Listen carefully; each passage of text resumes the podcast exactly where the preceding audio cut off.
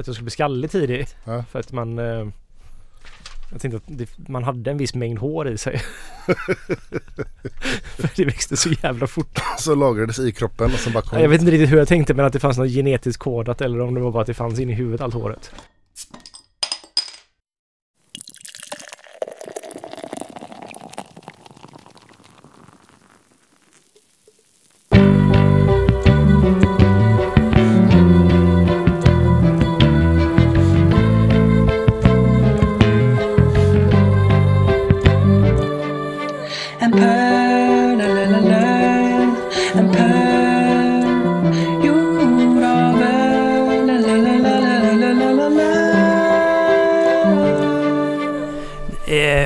Helgen så, så ställde jag mig och bakade kolor.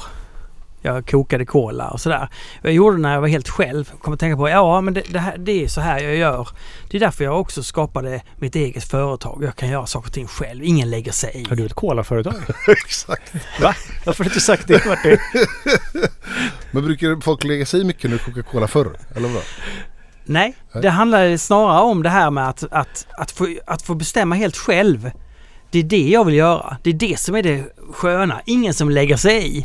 Eh, och jag, jag funderar på det. Olle, är det inte så att alla som brygger öl, som startar ett bryggeri, egentligen är sådana som har gjort det själv. Man kan göra det själv. Man gör och visst, det finns några få undantag som, där man gör det ihop.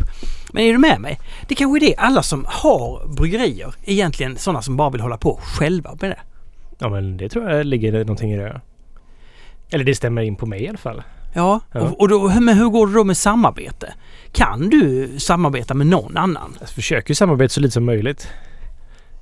Det är inte mig det är fel på, det är dem det är fel på. Liksom. De tycker inte samma som jag alltid. Precis, men är, då, då, en lösning är ju att du, blir, att du ändå blir chef. Även om du säger att Olof är chef så kan ju du vara chef och då blir du på en annan nivå. Jag är och ju då, produktchef är jag ju. produktchef. Ja, Ja. Är det på titeln? Jag vet inte riktigt men något så. Jag, jag, är ju an- det är mitt stora ansvarsområde i företaget. Det är ju produktutveckling. Liksom. okej. ja. Det, det kom ju en, bara en liten intressant rapport i Beer News. Jag hade missat den faktiskt. Du missade Ja. den va? Nej, de postar ju så mycket. Man hinner inte läsa allting. Man kan inte Låt oss ändå ta upp det här lilla faktumet. Vilket bryggeri, eh, Fredrik, släppte flest olika sorters öl i Sverige? I TSLS var det också va? Ja, det, Ja. det är det. det, är det ja. Jag har inte läst den här Vilket- vilket tror du var- rapporten, men, vilket eh, tror du var- Förra året var det ju Stigberget. ja, alltså men 2021 pratar vi om. Jo vet, men även, 20, även 2020 var det väl Stigberget? Ja, Så jag tror att det är Stigberget igen. ohotad etta kan man säga med 40 öl. Aha. Men vilket, eh, vilket bryggeri kan ha kommit som tvåa?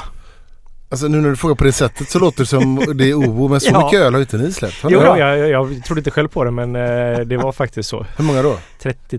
33 har du skrivit. Ja. Olika öl? Ja, i TSLS. Fy fan. Jag tyckte bara det, det var ju lite Och lustigt. det, det är inte inräknat då TSV och sådana saker heller faktiskt. Där vi också haft en del släpp. Ja, men det är ju ändå lite lustigt eftersom vi ändå har pratat om det här med att ha en öl som är den, den flagship beer. Jag blir och, lite irriterad nu för vi har ju fått en begränsning. Man får inte släppa mer än tre öl varje månad i TSLS. Och vad är... Alltså 3 gånger 12 det är 36. vi hade släppt 40. Det var undantag. Ja men lite så Nej, känns men det den, jag som. tror inte den Det begränsningen kanske inte kom. var i TSL, det kanske var hela TSV och med, var med i den här kanske. Var. Så kan det vara. Ja. Plus att de, den, kom in, den begränsningen kom inte förrän i våras va? Den kom väl där i april kanske, ja, något, det eller något sånt det, där Det va? har inte varit hela året. Så jag tror att Stigbergs han prångla ut en jävla massa innan dess. Men, men, men man har rätt att släppa som du sa, eller max eller vad du sa. Tre stycken får vi Men de kan också neka ett bryggeri. eh, Det kan de också göra om man har, alltså det här att vi får ha så många, jag blir lite, det skäms nästan lite grann för att det är så många. Men det är ju 100 och 50-50 som, och då, vi, alltså de kan ju säga till att nej men nu har ni så många öl som redan finns på hyllorna i TSLS. Så ni får inte släppa någonting nu till exempel. Men, men, Men, då, alltså 50-50 de försvinner ju rätt snabbt. De Mm, men jag trodde inte ni gjorde så mycket sånt längre. 55. Nej alltså vi har ju faktiskt dragit ner på det. Så Mm. jag blir bara... Men vi försöker ju släppa tre i månaden. Det försöker vi göra. Okej. Och, så, och det, det blir alltså... En del är ju så här äkta pils var med där och sådana saker. Så det är ju något sånt som vi har återlanserat och sådär liksom. Mm. Men, vad, men alltså rent principiellt, om vi skiter i nu hur många det verkligen var. Vad är, är, det, är det fel på att släppa så många? Vad är, vad är problemet med det? Är det för att vi skapar en hype efter nyheter? Och är, i så fall, är nyheter dåligt? Ja, för då, då är, eller? Alltså, det kan ju bli väldigt, alltså det är, det är, det är lätt att man, det blir så här, alltså så att man tråkar ut konsumenterna till slut. Det tror jag kan vara en ganska stor fara i det hela. Att, och just nu känns det lite som en tävlan att så länge det här, alltså det här kommer inte funka så länge till. Dels för säkert Systembolagets regler men också för att konsumenterna börjar, kommer börja tröttna på att det släpps ny öl hela tiden. Så det känns nu som att alla bara så här kör in i kaklet det sista så länge det här funkar på något sätt. Mm. Men är inte konsumenter extremt intresserade? Jag menar det, i alla branscher, chips eller om det är, är tablettaskar så hela tiden kommer det nytt. Det, ja, det, det måste man ju göra, behålla intresset liksom. Ja. Och jag tycker det är roligt att släppa nya öl hela tiden också. Det är roligt att göra nya iterationer 50-50 och i år vi släppt så här Spring Saison och Winter Saison och sådär liksom. Att, ja. Som är temporära släpp som man, ja. Ändå. Men tror du att det ändå kommer ta slut alltså? Nej, inte slut Eller- kommer det inte göra men det kommer mättas menar jag med. Att det Men i kommer, vissa kategorier tar det ju slut den här typen av Gör det inte det? Men, kommer Vilka det då? ja, men klassiskt exempel när man pratar om det här som började med detta var ju nästan yoghurtmarknaden. Kommer du Mm. ihåg det? Så här, Ja, ja. det kom ju sinnessjukt mycket yoghurtsmaker hela tiden. Mm. Det har ju totalt mättats och de, det kommer inte alls ut så. Nej. Eh, Eh, Kolsyrat vatten var väl samma sak där ett tag när det kom så galet mycket. mycket smaker på vatten. Och jag tror även, även om chips fortfarande har mycket så tror jag chips har lugnat sig lite faktiskt. Mm. Men fortfarande ingen som gör ketchupchips. Det är en stort mysterium tycker jag. Det är så. Ja. Jag har en låda med chips på mitt kontor som jag fick från en kund. Alltså, Jag kan hämta sen om ni vill ha. kvällen är ung. OO Brewing 2021. Mm. Eh, nu är vi nästan i änden här, så att säga, av året. Hur, hur har det här året känts för OO Brewing? Konstigt skulle jag nog säga faktiskt. Det har varit, Konstigt. ja men konstigt. På vilket sätt då? Ja men det har varit, det är mycket osäkerhet. Man, man står och trampar vatten lite grann känns det som. För att man, liksom, under stora del av året hade vi ingen krogförsäljning och det var svårt med hur man skulle vilka öl man skulle brygga, hur man skulle lansera dem och det är liksom, man fick ju lita väldigt mycket på Systembolaget därför det blir 33 stycken under ett år. Ja. vid tillfällen fanns det ju inget annat sätt att lansera öl. Helt enkelt. Nej och sen så vi har växt liksom som företag, att vi har mer anställda och så här, men vi har inte växt så mycket produktionsmässigt det här året. Men eh, ja, det har varit lite så här att det har varit, eh, det har varit svårt faktiskt. Och så har vi behövt göra massa investeringar och vi har öppnat en bar och saker tar väldigt mycket tid bara. Vi liksom. återkommer till bar, men, Mm. men här tycker jag mig höra eh, någonting. Alltså det har skett väldigt många förändringar. Är det det som gör att det är konstigt? Alltså att det, att det här med förändring är, ju det jobbigaste en människa kan hålla på med. Liksom att man förändrar någonting som man tycker funkar och sen så måste man implementera den förändring så att den funkar. Nya människor som man anställer ska ju också funka. Alltså, Mm. Ja men eh, det, snarare att vi kanske varit, det varit svårt att planera kring det. Så det har varit liksom, man har fått göra allting så ad hoc på något sätt. mm. Det, det är inte någonting jag gillar egentligen. Jag gillar att man har en plan liksom. En, vet vad man ska göra med någonting. Du skulle vilja jobba på ett fran frankiskt bryggeri som brygger tre olika sorter. och har gjort sedan flera generationer tillbaka. Ja men, men det, den sidan finns i mig men den andra sidan finns ju också att man vill testa nya saker och slippa massa nya grejer också. Så här, det är ju två liksom Två bitar av en själv som kämpar med varandra liksom. Ja. Tack alla familjegräl tyska bryggerier när sonen vill göra ett nytt öl. Och pappan bara bryter. Nej. Det här, jag kommer tänka på en annan sak bara för att hoppa lite. Hjärnan kan ibland studsa iväg. Har ni, tänker ni också på det att hjärnan kan studsa iväg till, till eh, olika marker? Alltså, inte marker, utan olika tankar. Att det ena kan leda till en tanke om någonting helt annat och så hoppar man dit och sådär. Om, man ska, om man ska ha en kompis, då ska man ha någon som, som är med på de studsarna. Och, och att man, man vet, till slut vet man inte var man börjar utan man bara pratar loss i en Nej men och kan förstå din interna koppling till den här studsen. ja. För det är ju ett väldigt stort problem för mig att jag har väldigt mycket så att och ibland så väldigt få som inte hänger med. I att för mig är är få som hänger med. få hänger med Ja. i Ja. övergångarna mellan två ämnen till exempel. Okej. För mig är det helt glasklart. Med Olof och jag i den relationen att så här, han, Ja. vi har känt varandra så länge. Så där kan ju vi om vi bör- börjar prata någonting och hamnar någon annanstans Ja. så vet vi båda två exakt hur vi hamnade där. För vi har gjort samma kopplingar i hjärnan liksom utan att... Jo, den här IPAn som Jämtlands brygghus vann öl och whiskymässan med Just i det. IPA-kategorin. Mm. Det var ju en West Coast-IPA. En klassisk West Coast-IPA, ganska Nej, brun. brittisk IPA var det. Mer Okej, det var en brittisk med lite, brittisk. med lite Okej, amerikansk var- humle Okej, förlåt mig. Det var inte alls en West Coast IPA. Nej, det var en brittisk Fast IPA. den var ju mer West Coast än vad den var New England, det är sant. Den var ju inte god tyckte jag då. Men jag undrar, skulle jag tycka om den idag? Eh, Ja, om det, det tror jag att du hade gjort om den var... Den har väl varit lite så upp och ner i kvalitet kan jag tycka. Men Jag det hade du nog tyckt var godare idag. Ja. Det var många som blev irriterade då. Hur kunde den vinna? Ja, ja. Blir det någon eh, tävling på whiskymässan i år? Det hoppas jag. Ja. Eh, om vi orkar. Men det... Vill du vara med och tävla? Jättegärna. Det är Jag har folk väntat i flera år på det här nu. Jag vet. Vi borde göra det. Absolut. Ja. Eller det, det är planen ska jag ärlig att göra. Tävling. Ja, jag fick en fråga av en, en, en, en polare, en kompis, en vän som jobbar i reklambranschen.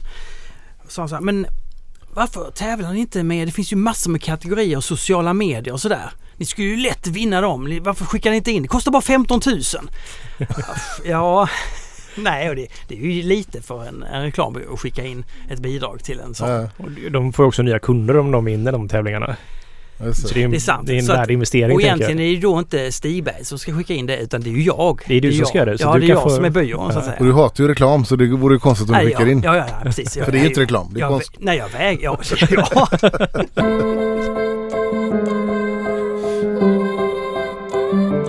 Om vi går in på ölåret eh, 2021. Jag tyckte det var ett väldigt bra ölår. Sådär. Jag, på något vis så känns det som att det var mycket Det började svänga lite och jag tänker på nu står ju ni här inne så blir det naturligt att prata om Stigberget och O men Hela Ringebroj-serien kom ju 21 och även där era brittiska serier kom 21. Olle började göra mer brittiska grejer. Det känns som att det är lite mer så här testa lite så här klassiska ölstilar som inte i sig kanske är några storsäljare men man vågade prova lite nytt gammalt så att säga. Jag har ju provat alla New England-varianter som finns nu nämligen. Ja. Så det, Ja. jag var tvungen att Jag lite. testa. Ja, Jag förstår vad du menar. Det känns som många, inte bara era bryggerier utan många bryggerier började göra så här. eh, Ja det kom lite ny typ av öl, så, eller gammal öl men som man testade på nytt. Nej, för mig personligen så här så har jag ju liksom, jag har ju druckit Det var länge, länge sedan det var ett år sedan jag drack så lite IPA som jag drack det här året. Just för att jag är helt tröttnat på det nästan. Jag fortfarande tycker det är jättegott med IPA och sådär men att jag jag vänder mig till andra ölstilar. Går tillbaks till sådana som jag har som gamla favoriter mycket, mycket mer. Mm. Eller, så att jag känner den, lite den spaningen vi pratade om för Ja, när var det? Ja, det blir två år sedan nu två va? år sedan. Ja. Stämmer ju lite grann att det är lite mer klassiska ölstilar tyckte jag kom tillbaka 21. Det kanske, kanske är det som... Men om vi då går tillbaka till det som du nämnde lite Olle. OO har öppnat en bar. OO Ja. bar. Ja, när vi spelar in det här så har vi ju inte öppnat på riktigt än egentligen. Utan vi har haft tre dagar av smygpremiär. Ja. Där vi hade liksom vänner och aktieägare första dagen i fredags och sen hade vi andra bryggerier på lördagen. Vi kom och sen så blev det restauranger på söndagen. Så imorgon, alltså på tisdag den 21 blir det precis. Då öppnar baren på riktigt för allmänheten. Och den ligger på Barngatan då såklart. Barngatan 20. Är det, kan man se det som självklart att ni alltid serverar just den ölen också? Nej, det kan man nog inte. Vi ska försöka ändå hålla den så att vi man kan dricka den där på något sätt. Antingen i burk eller på fat. Ja. Men vi har ju bara sex kranar och det är bara fem av dem som är det är en som är Pivot Pills alltid. Men hur roligt är, är det att öppna bar? Alltså jag, jag kan förstå att, att, att eh, starta ett bryggeri och ha eh, egen bryggerilokal och hela det. Det är, det är få saker som slår det. Men om du ser att Nej, det här öppna... var nästan lika roligt faktiskt. Va? Ja. Det är alltså, jag och Olof har drömt om bar hur länge som helst liksom. Så att eh, det här var jätteroligt. Det varit otroligt stressande också. Vi, nu är den försenad. Vi hade tänkt att vi skulle öppna någon gång efter sommaren egentligen. Mm. Men det tar tid med tillstånd och hitta folk som kan snickra och sådana saker. Just det. Men det, det här med att, ehm, att vara, vara ett litet hantverksbryggeri och öppna bar. Det ser vi ju så himla många, eller ganska många, som gör. Eller som Inte åtminstone- så många i Sverige ändå. Nej, det var inte så många nej. Utan det är några, det, okej, det, är nära, det är många nära mig som, Ja, som men gör det, det. det är väl kanske... Nej, men det är väl ett nat- väldigt naturligt steg. Men det är ju oftast... Det är ju, att driva restaurang i Sverige är ju inte någonting du bara hit, bara bestämmer dig för att göra och så slänger du upp någonting och så har du det färdigt någon månad senare utan det är mycket med tillstånd och du ska ha hela menyer med mat och det. Ja, det är mycket, det är högre tröskel än vad det är i många andra länder tänker jag. Så därför, men även om, trots att det är en väldigt naturligt steg för ett bryggeri att ha sin egna servering så ja, det tar mycket energi liksom som man kanske väljer att lägga på att faktiskt driva ett bryggeri istället. Men hur, hur mycket ser ni det bara som en gammal dröm om att ha ett eget ställe och hur mycket ser det som en, en marknadsföring för er öl? Liksom? ja, men nej, det är väl 50-50 någonstans där. Vi hade ju inte gjort det om vi kände att det inte var värt det liksom. Mm. Men det är ju att vi alltid, vi har ju alltid snackat om att vi borde ha det. Och det är liksom Det är jätteroligt att vi äntligen kan få göra det. Vi har också liksom väntat på ett tillfälle och det är liksom så här att man vet ju aldrig när någon dyker upp. Så det tog längre tid än vad jag trodde det skulle göra faktiskt. För oss att få den här, hitta den här lokalen då på Bangatan. Som är en väldigt lagom storlek. Vi har ju inte råd att liksom öppna en jätterestaurang för det är ju jättemycket investeringar. Så det här var väldigt, ja det var tillfället dök upp och vi tog det. Kan man säga. Fredrik, du var ju där igår. Mm. Kan ju få en riktigt hård recension nu då. Jag har ju varit i den lokalen tidigare så det kändes ju inte som något, så här, något helt nytt. Nej, Eh, eh, Bang, restaurangen var där tidigare. Mm. Jag, jag tyckte det var otroligt fint. Jag eh, säger det inte bara för att vara snäll mot Olle utan jag gillar ju den typen av bar. Mm. Den är liten. Det eh, gillar jag. Eh, Det är mycket träd gillar jag. Fast det är inte för trött gubbigt utan det Det känns Lite- inte som att man sitter inne i ett gammalt skepp liksom. Nej men Nej. Det, det kändes för mig som så här mm, litet så här eh, centraleuropeiskt ölcafé fast modernt med lite så här modern nordisk klang. Det är exakt vad vi har faktiskt eh, siktat på också. Är det så? Ja men det känns Ja, bra. vad- ta inspirationen från ölcaféer i liksom Ja men typ Frankrike, Belgien och sådär liksom att Och lite Beerstube också på ett sätt liksom att det är Ja. Men ehm, Utan att få det för murrigt Utan fortfarande ha kvar Mysighetsfaktorn är väldigt viktig för mig i sådana ställen. Jag vill ju fortfarande ha en väldigt härlig belysning och Men det ska inte kännas för konceptat heller liksom. Utan Nej, det ska ju vara en ganska ärlig och rak ja. inredning.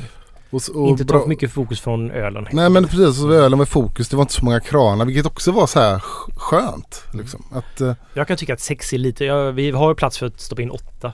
Kommer det komma då eller?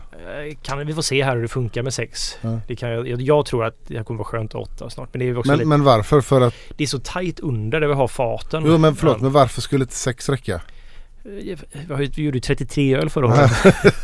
Men det är klart, ni måste ju också... Det är Men- klart att det kommer vara full, f- välbesökt och så. Men det, ni måste ju också... Det får inte bli gammal öl kvar. Nej men jag tror inte det, det skulle vara ett jätteproblem. Alltså, är, ju- vi, man kommer nog snurra det. Vi, har så pass brett och det är roligt att kunna visa upp hela sitt utbud på ett sätt liksom. Och det var ju, alltså, det var ju svårt att välja vilka öl vi skulle ha på premiären här nu. Det var jättesvårt. Men det var en bra blandning. Ja det var det faktiskt. Jag var väldigt nöjd med det som vi hade faktiskt. Och sen en sån klassisk lagerkran som jag inte riktigt fattar hur den funkar. Nej men det är, det är en sån här tjeckisk lagerkran som eh, som man kan hälla på det klassiska tjeckiska sättet. Och Jag tänker Va? att det funkar väldigt. Det är ju som i Urkel har ju det till exempel så här och där, där gör de ju väldigt nästan lite plojigt att man kan ju få den på tre olika sätt då med hur man häller upp med den kranen. Det är en kulventil Ja. som och sen så har man ett munstycke med en perforerad plåt i så att ölen eh, går genom den det, sk- så det kan skumma rätt mycket. Ah. Men det som är det är för tjeckiska öl som ofta har lite mer malt. Jag tycker Pivot passar väldigt bra på den typen av öl. Man, och det, är det som man kan göra är att man kan hälla öl ganska snabbt men ändå få väldigt bra skum. Så beroende på hur du gör, du kan ju...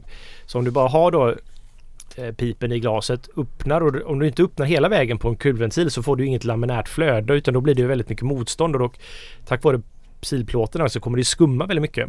Så om man öppnar då i en lite lagom takt med kranen så får du inget laminärt flöde de första, det första som kommer utan det kommer bara skum då. Och sen när du får det laminära flödet så kan du ha pipen under skummet liksom så att inte ölen behöver gå genom skummet och bryta ut mer kolsyra. Så kan du fylla ett glas ganska snabbt och så har du fått en fin skumkrona på toppen.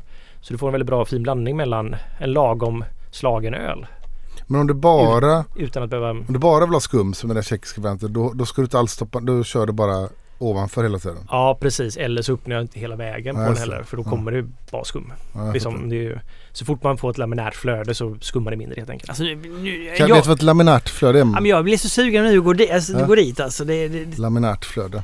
Det är egentligen alltså när, eh, vad ska man säga, i en slang får du ett laminärt flöde och sen när den kommer ut därifrån så sprids den inte utan fortsätter det samma, Ah, okej. samma som var Ah, i slangen liksom. Mm.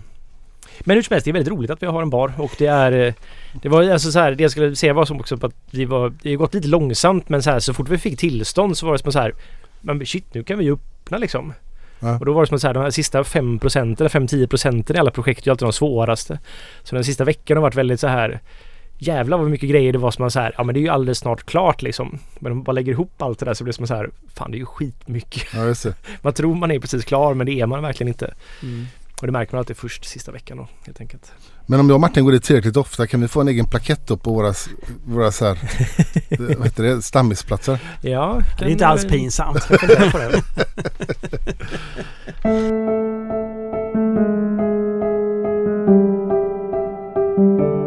Hembryggning Halleluja. Eh, frågar, vilken är den bästa jullåten?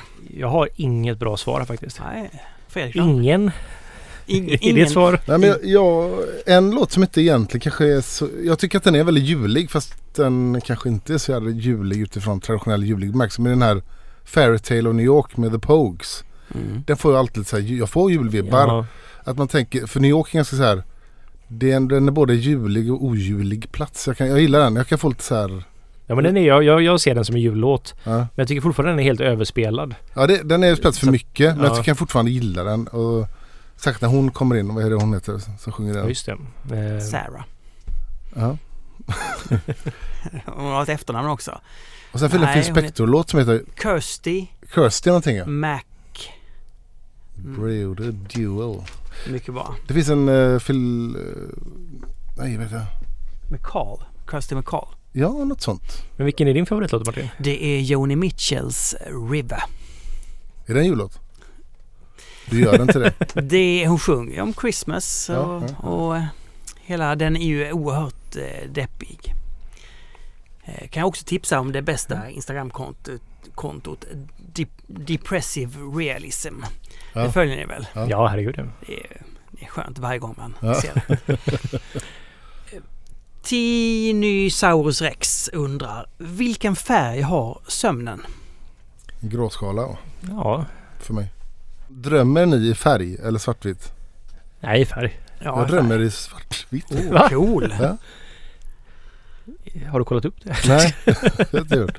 Har jag berättat, förlåt jag måste berätta, det här är att jag, det här var tio år sedan, var det en period under ett år då jag vaknade min, mentalt men inte med min kropp. Har jag berättat här? Det finns ju något ord Mm, för detta. ja, ja, det det har jag berättat ja. kanske. Nej, Nej. men jag känner till Det det. var jävligt otäckt. Det är superotäckt. Och så att jag var liksom förlamad när jag Ja. vaknade för jag kunde inte röra min kropp. Sömnparalys. Ja men heter det så? Jag tror det. Ja, vad, vad, vad, vad hände då? Nej jag fick ju fullständig panik. Men till slut så började jag lära mig att det här skulle komma så jag kunde hantera det.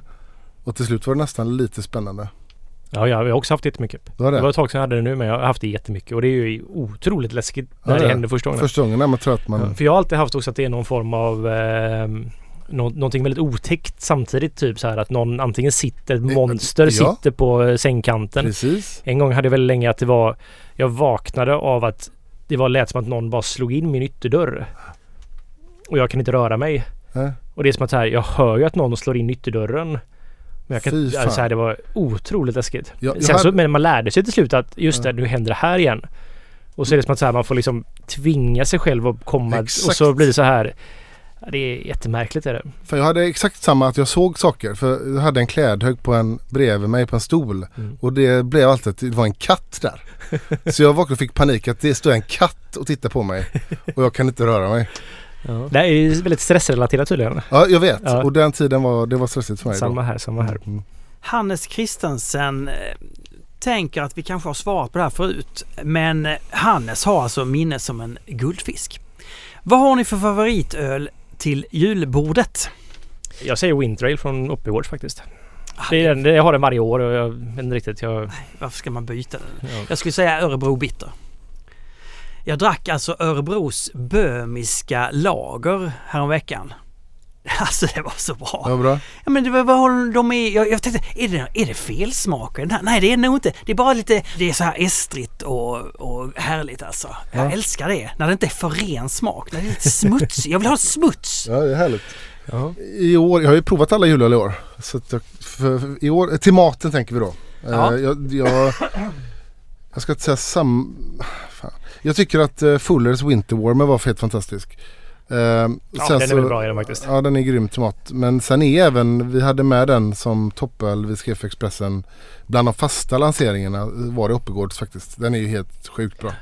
Och jag tycker att jag, jag drack den på fat och jag- den var så humlepigg på ett sätt som jag inte upplevt den tidigare. Utan det, den har alltid varit humle men nu var det så otroligt färsk humle också. Eh, jag gick ju på Red Lion och träffade Peter. Jag fick det här lilla två, romantiska tvåbordet eh, längst in i lokalen. Jag, där sitter du och Lukas också. Är det så här någon form av att du specialabonnerar det eller? jag det- har nog en liten plakett på det. Ja, ja. Men och då, det var ju samtidigt som du mässade i vår lilla ölpöllengrupp att vilken den bästa apan eh, är i, på jorden. Just Eller, det. Ja, i Sverige va? I Sverige va? I Sverige. Ja, nämligen den som heter Nor, Norm. Norn Nor, norm eller Norn? No, Norn. Norn är det, just det. Ja. av Oppegårds. Ja. Eh, och de hade den på fat där. Ja. Eh, och jag plockade in den direkt och jäklar vilken balans det är den. Samtidigt som den smakar lite tvåligt. Kommer du ihåg att vi pratade om ja, det? det Ja. ja. Vad är det som gör att den blir lite, lite tvålig? Humlen. Jag för mig det är Idaho 7 i den eller något liknande. Jag kan inte riktigt... Men är det bra att det är tvåligt kan få vara en smak va? Ja, alltså... Jag tycker, alltså folk säger tvåligt, jag förstår vad folk menar. Jag ser det Mm. som humligt och väldigt gott oftast. Amarillo är ju många som tycker det är tvåligt också till exempel. Mm. Som är så här liksom halvklassiska amerikanska humlesorter. Ja, Åt det var- fruktiga hållet men ofta när de har lite citrus och grape så anser många att det är lite tvåligt också samtidigt. Men eh, jag vet inte, jag, jag, jag blev mest bara så glad när jag drack den för det var så här shit det här var som en amerikansk pale ale ska smaka ganska maltigt men ändå precis lagom beska, precis lagom fruktig och så här klassisk humle i den och det var bara jag det var kanske ju... inte är det egentligen men jag blev väldigt glad just då. Ja, då har du bestämt. Ja. Och när jag bred, Just då var den Sveriges bästa Pale Ale. Ja. Av, av, av klassiska snitt då helt enkelt. Ja, och när jag vred mig och tittade snett bak så satt du ju där i baren. Ja. Satt du och jobbade eller? När var det här? Det var ju on... Nej, torsdags var det förra veckan va? Ja, det måste det ha varit. Jag hade faktiskt sovit på jobbet dagen innan. så... Nej men jag hade så här, vi, när vi, vår burklina har strulat så vi har fått byta ut en viktig komponent som det var något fabrikationsfel i processen och tillverkat den så den har gått av helt enkelt. Så de skickar upp en expressbudgrej då så vi fick fixa till slut och så Så förra veckan var att vi låg efter plus att vi skulle öppna en bar till helgen så vi låg väldigt efter med all form av paketering och bryggning och sådana saker. Så jag fick brygga sent in på natten på onsdagen. För jag hade en väldigt strulig dag också så jag var klar på två så jag sov på jobbet. Sen när jag skulle brygga dagen efter så var inte varmvattnet tillräckligt varmt. För att jag blev klar så sent då. Okej. Så det var så här, ah, fan då måste jag brygga på fredag här också. För jag hade tänkt att jag bara skulle städa på fredag, gå till baren, Ja. inviga den. Men istället var jag tvungen att göra en bryggning på fredagen, en dubbelbryggning då. Du, du ser till att du ska vara riktigt utarbetad till jul så att du verkligen kan Precis. slappna av då. Ja, det är planen. Varje år. ja. Nej men så på torsdagen där så var jag så här, jag, jag gick åt för jag hade, inte, jag hade ingen mat på jobbet. Och så, så jag slutade lite tidigare då för att vi inte kunde brygga. Och så gick jag till Hermanos och åt tacos. Helt själv. Och så tänkte jag att jag ska ta en öl på Red Lion och sen ska jag hem och sova. Eh, David Hallberg skriver har ställt frågan innan så ser det som det stora testet om Olle ändrar fasta övertygelser och mer än bara öl. Vilka är era topp tre lökar? Wow. Just det, här har vi svarat på tidigare. Oh, ramslök måste vara en av dem. Jag skulle nog säga vitlök och... Vad heter de små lökarna? Vilken rangordning nu? Schalottenlök. Schalottenlök precis. Ja, I den ordningen. Eh, i, de är bara topp tre. Sen så får man... Eh, ja, men ramslök får ju komma först då. Sen vitlök och sen schalottenlök. Eller schalottenlök och vitlök. Jag vet inte. Ja, jag är ju på vitlök nummer ett. Ja. Alltså den är så högt upp alltså. Helt. Måste nog vara det. Eh, gräslök. Mm. Det är gott också. Nummer två. Mm. Eller är den lök? Ja det är väl. Och eh, sen salladslök tycker jag är väldigt, väldigt gott alltså. Jag tror nog jag sa faktiskt gräslök senast i det här. Ja det kanske du... Aj, aj, aj! Ja. Fredrik då? Salladslök, då menar du eh, ja, färsk avlång... eh, Ja nästan som purjolök fast den ja, är mycket, fast mycket... små. Ja. Den, jag håller med dig. Liten purjolök. Jag skulle säga vit, vitlök är nummer ett, salladslök är nog nummer två och matlagning schalottenlök. Bananschalotten. Inte de där runda jävlarna. Nej. Torskblock. Men är sylt, alltså de här, det finns ju syltlökar också som man har i grytor och sådär som är runda liksom. Ja, det gillar jag när jag äter men jag tillagar aldrig. Jag har Nej. aldrig det hemma liksom. Eller jag de är äter det på restaurang. söta är de liksom. Det kanske de är. Ja. Torskblock. Vilken ölscen på film tycker ni är mest minnesvärd? Oj, Ja, Oj, nu måste man ju... jag kan inte ens komma på någon. Ölscen på film? Det finns. Ja. Det finns en scen som, för jag såg den ganska nyligen på tv och då kommer jag tänka att den är väldigt rolig. Uh, Good Will Hunting. Så titta på den och då är det en scen när de sitter i en bar. Så det är en tjej där som är väldigt rolig som drar, Ja, hon drar det skämtet. hon drar ett snuskigt skämt Ja. och så avslutar de med att eh, det rinner, hon sitter och dricker Guinness och så rinner det Guinness ner för mungipan på henne. Mm. Ja, jag ska inte dra skämtet för Men otroligt bra film faktiskt. ja, bra. Men jag har, det är inte en film, men du, jag gillar verkligen serien eh, Silicon Valley. Och där dricker de väldigt mycket, eh, framförallt North Coast faktiskt. Och det är roligt så han som är systemadministratören här då, han är, det är en sån otroligt klockren karaktär. De har verkligen fångat allting som är Alltså det är den nidbilden av en systemadministratör helt enkelt. Hur är man då? då? Eh, långt hår, eh, en besserwisser, har aldrig fel. har otroligt lite empatisk förmåga för andra människor. Ja, ja, ja. Och han, dricker, han sitter alltid och dricker Rasputin faktiskt. Oh, I varenda scen så sitter han och dricker en Rasputin. Och jag tycker det, är- jag blir väldigt, ja, det var väldigt bra produktplacering på något sätt liksom. Underbart. Ja.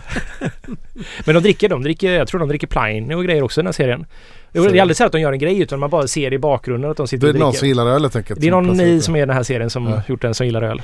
Eller så är det produktplacering. Ja. Du, du, du, du. Jag får känslan att det inte är det utan jag tror Tror bara de de har har så tagit... mycket pengar för sånt och gör sånt. Nej jag tror inte heller det. Behöver inte Utan det. det är, jag tror det bara att det är någon som här vi ser till att de... Och det är lite så här, det är ändå datanörderi och ölnörderi går ändå lite hand i Okej. hand faktiskt på sätt och vis. Så att det, Kung av öl undrar vilken flaskdesign är godast att dricka ur? Nu, jag, själv finns det ingen sån för jag dricker aldrig ur flaska. Skulle jag aldrig få Jo, för det mig. finns en. det finns en faktiskt. Oh. Så jag tycker samma. Eh, Är absolut inte 50 centiliter. Det går ju bort med en gång de här. Men den eh, Hoff-flaskan 33 centiliter som är liksom bättre balans i handen. Vet du vad jag menar? Som, Som ändå är en Vichy-flaska, som är, eller inte i retursystemet eller? nej inte de här som, den ska vara liksom, vad kallas det när det den svenska Hoff-flaskan. Den är som är ju, lite rakare. Typ. Exakt. Ja, jag förstår. Den gröna. för den blir mer en så här balans i handen när man håller den. Ja. Jag gillar annars den klassiska returflaskan vi har haft här i Sverige och Danmark har väl haft samma tror jag. Tre- 33 retur. Ja precis. Men sen jag gillar ju Vichy-flaskorna. Det är de vi använder till våra öl. Som ser lite ut, som påminner designen väldigt mycket om den är någonstans mitt emellan den som du beskriver. Den som vi har på våra Longboy på hela- Barley Wine. ja, Ja. Mm. Den är någonstans mitt emellan det du beskriver och returflaskan. Ja, det är sant. Och där finns det ju en 25 centiliters version. Så om man nu ska dricka returflaskan så har Jupiler då det här liksom ja, stor stark belgisk öl då. De kan man köpa sig en back med 25 centiliter och de är som att säga på sommaren i Bryssel sätta sig i en park. Den dricker man i ett svep liksom. Det är Okej. jättegott. 25 centiliter. Ja. Een GoPro-kit. Dat is niet voor ons gesprek, hè? PJs Home Brewery. Har ni någon lösning på så att hantverksöl inte serveras infekterad oxiderad? Till exempel så fick jag en nejpa från Toöl som var brun och smakade papp. Jag påpekade det och fick till svar att det var en ny humlesort. Det är. Ja, det är kunskap hos de som serverar i det. det. Alltså det här kommer ju alltid, alltså det här händer ju liksom. Det, är ju, det, det händer stora bolag också liksom. Jag pratade med en bar igår som ändå så här, där blev jag chockad över att hur mycket problem de har med vissa, som jag inte säger några namn på, stora bryggerier från Europa som verkar leverera väldigt ofta helt defekt öl liksom. Och så här, ibland avslagen, ibland jättekolsyrad och sådär liksom så att och det är ju bara att man ska, det är ju kunskapen hos oss som serverar som att de faktiskt kan identifiera och Mm. kan klaga på rätt sätt så att de faktiskt får eh, kompensation för det också. Ligger det i Holland? Eh, nej. Roger Lexfort Fors. Har vi egentligen fått storyn bakom den otroligt spännande cliffhangern i avsnitt 11? En tysk bryggmästare brottar ner Olle för att han snurrar glaset. Ja men det har vi snackat om tror jag. Storyn bakom har vi fått. Vi har inte fått, eller jo, ja, det är med Sisman. Vi har väl, Att han blir arg på dig han blir arg på mig ja. och, och brottar ner dig. ja. Alltså, det- var en tysk bryggmästare som brottade ner dig för att du snurrade glaset. Mm. Han var ju här för att installera ert eh, bryggverk va? Nej, det, nej, nej, nej. Inte, nej. Dilly Du skulle trodde aldrig... också det var samma? Nej, Dilly är ju supertrevlig och jättefan. Ja, men, Nej men okej, men så, jag tror vi har tagit den här historien förut. Men det är att Du brottas med många tyska bryggmästare eller vadå? bara en faktiskt. Bara en ja. Men vi var på ett bryggeri och hälsade på en kompis till Ola som startade ett bryggeri som eh, jag vet inte om de finns kvar ens, men det var innan vi hade startat OO på riktigt. Eller innan vi hade börjat brygga hos Stiberget faktiskt. Så vi var där för att titta hur det såg ut och så då hade de precis anställt en eh, en bryggmästare från Tyskland som han var lite speciell. Hade väldigt mycket, han är nyss utexaminerad från Weinstefan-skolan och kan absolut bäst om allting och han har stenhård koll och där blev han väldigt irriterad när vi fick runt och smaka den här väldigt defekta ölen som han hade bryggt. Och så att jag liksom snurrar glaset. Mm. Liksom så här för att jag ville känna aromerna och sådär. Det är ju en sensorisk grej och då blir han skitförbannad för så gör man inte med öl. Det är att man misshandlar skummet och det här var ju en helt... Det var inga bubblor på det här skummet så jag bara okej ursäkta. Jag, ja. och så um, tänkte inte så mycket mer på det. Men han blev, han blev sur då liksom när vi var och besökte det här bryggeriet. Och de berättade också liksom att de hade jätteproblem med honom för att han eh, kanske ibland körde bil när han hade druckit lite öl. För det kan man göra i Tyskland. Men de har förklarat då att i Sverige får man absolut inte göra det här. Det här går inte. Och då skulle han skaffa bryggmästarplåtar som man, man har ambassadplåtar. Sätta på sin bil för då får han lov att göra det. Menar han. Ja, Aha. han var ju mytoman helt enkelt. Ja. Det var väldigt speciell.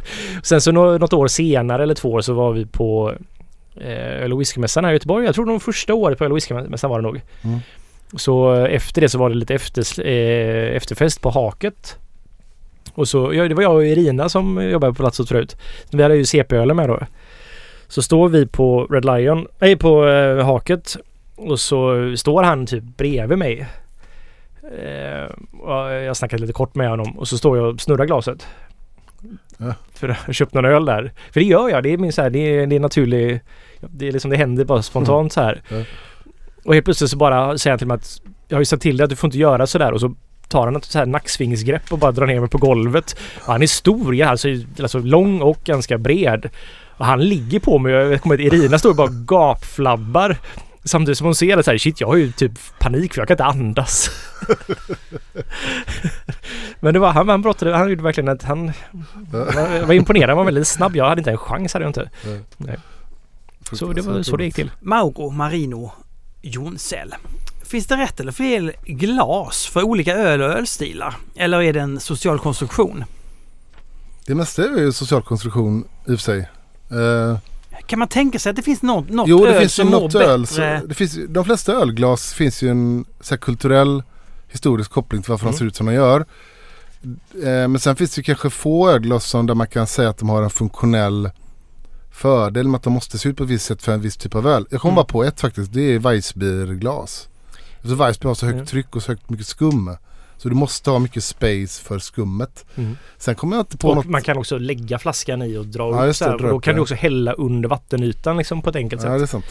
Även om det kanske inte är superhygieniskt men ja. Det, det har du rätt jag tänkt på. Och, men sen kommer jag inte på något annat som bara har ett funktionellt... eh, Ja, det är en grej jag kan tänka på är den klassiska...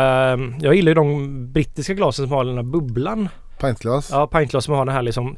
Och där tycker jag att den bubblan gör jättestor skillnad om vi jämför med liksom ett helt rakt glas. Men hur Vad då? gör den då? Den fångar aromen bättre. Jaha. Eh, och det, det, jag upplever en ganska stor skillnad på det. Va? Och det- Fångar den här rom? Ja, men Hur det- kan den fånga aromen? Det är svart magisk tror jag det är. Men, eh, nej, men det, det, jag upplever faktiskt skillnad med det. Och Ja. eh, just i en brittisk öl tycker jag att det passar väldigt bra. För att där behöver man precis fånga Alltså jag kan ju tycka att det är jättejobbigt att dricka vissa New England IPA i en kupa till exempel. Det fångar för mycket arom. Den vill liksom, det är lite väl volatilt så där kan jag tycka att det är ganska skönt att det faktiskt får smita ut lite av aromen. Så att, eh, men jag, alltså det finns ju glas som funkar till de flesta ölstilar skulle jag säga. Och så finns det ju vissa glas som funkar bättre till vissa ölstilar. Mm. Men det är mycket social konstruktion. Mm. Kulturell kon- konstruktion. Bra, då gör vi det här. Det dags för Fredrik att komma in och rädda hela skiten. Du Fredrik, ja. eh, välkommen in i studion. Tack, tack, tack. tack. Eh, vad har du eh, druckit för något spännande sen sist vi sågs? Mycket Martin. Mycket, Nej men inte mycket men. Nej mycket spännande. Eh, ja. Nej men det, jag har druckit, eh, alltså en grej som jag har druckit förut men jag vill inte nämna den då för att eh, jag nämner dem så ofta. Det blir tjatigt med bräckeriet. Men jag drack den nu igen och måste bara säga att det är så sjukt bra öl. Det här Stevens, brä- bräckeriet Vild Stevens Ja, jag har inte provat den. som de släppte för, jag vet inte, ett par månader sedan kanske. Vi, vi, alltså, Nej, men det är ett körsbärs med danska surkörsbär Ja. som har legat på rödvinsfat. Och det, Mhm. det ölet är så sjukt bra så att jag blir helt... Alltså det är bättre än... Jag, så här, jag har ofta haft lite svårt för, lite, för belgisk krik. Alltså även från högt ansedda som eh, Lambic-bryggerier som gör krik. För jag kan tycka ibland blir krik för mycket det här Karlssons klister och amarettomandel och för syrligt och lite jobbigt på något vis. Men här, det här var så snyggt så att eh, jag smällde av. Ja.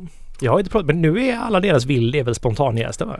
Jag vet faktiskt inte det. Ehm, Kanske inte... Eh, Alltså på så vis, jo jo det beror på vad man menar. Det här vet jag bryggeriet tycker lite olika kanske men det är ju Det är inte spontant, de använder inget kylskepp eller något sånt Ja, men det är ändå en uppodlad kultur Ja, okej. Som är vild uppenbarligen. Ja. men nej, de har inte börjat med sitt kylskepp än. Okej. Ehm, och sen drack så kom det en radda med klassiker faktiskt eh, på bolaget för några par veckor sedan. Olle nämnde en av en slump alldeles nyss. Uh, Rasputin eh, kom ju nu på bolaget. Jag tycker fan vad god den var. Den är Eh, god ja. Det är den faktiskt. och då, då insåg man jag har saknat så här. Den är 9% och är så här jäkla drickbar. Och då inser jag så här fan Imperial Stout ska ju också kunna drickas så här ändå. Utan att det blir för mycket motstånd och den är otrolig alltså. När jag var på Red Lion med Peter och hade Olle liksom snett bakom mig, blickande på mig. Då, då drack jag den här ölen som var mörk. Getin. Nej, Och mörk. då drack jag ölen som var mörk på fat. Ja, du drack den drack jag också då faktiskt. Otroligt bra. Eh, Sankt Bernardus eh, Christmas Aha. Ale. Det är ju Mm. deras app 12 med, en, Ja. med en tomteluva på Mm. egentligen. Men, Den var ju helt... Har du druckit den Fredrik? Länge sedan. Jag har beställt den nu. För att den fanns inte i vanliga las- Har du beställt några extra flaskor eller? Eh, nej det är bara en Martin. Ja. Men vi kan ta det här någon kväll här uppe. Vi har fått ett brev. Hej Ölpölen! Inför ert avsnitt om kveikjäst ville jag att ni skulle blindtesta lagerjord med lagerjäst mot den som jäst i rumstemperatur med kveikjäst. Här kommer enligt era önskemål ett sådant experiment utfört av mig. Testa och resonera er fram innan ni öppnar facit i det bifogade kuvertet.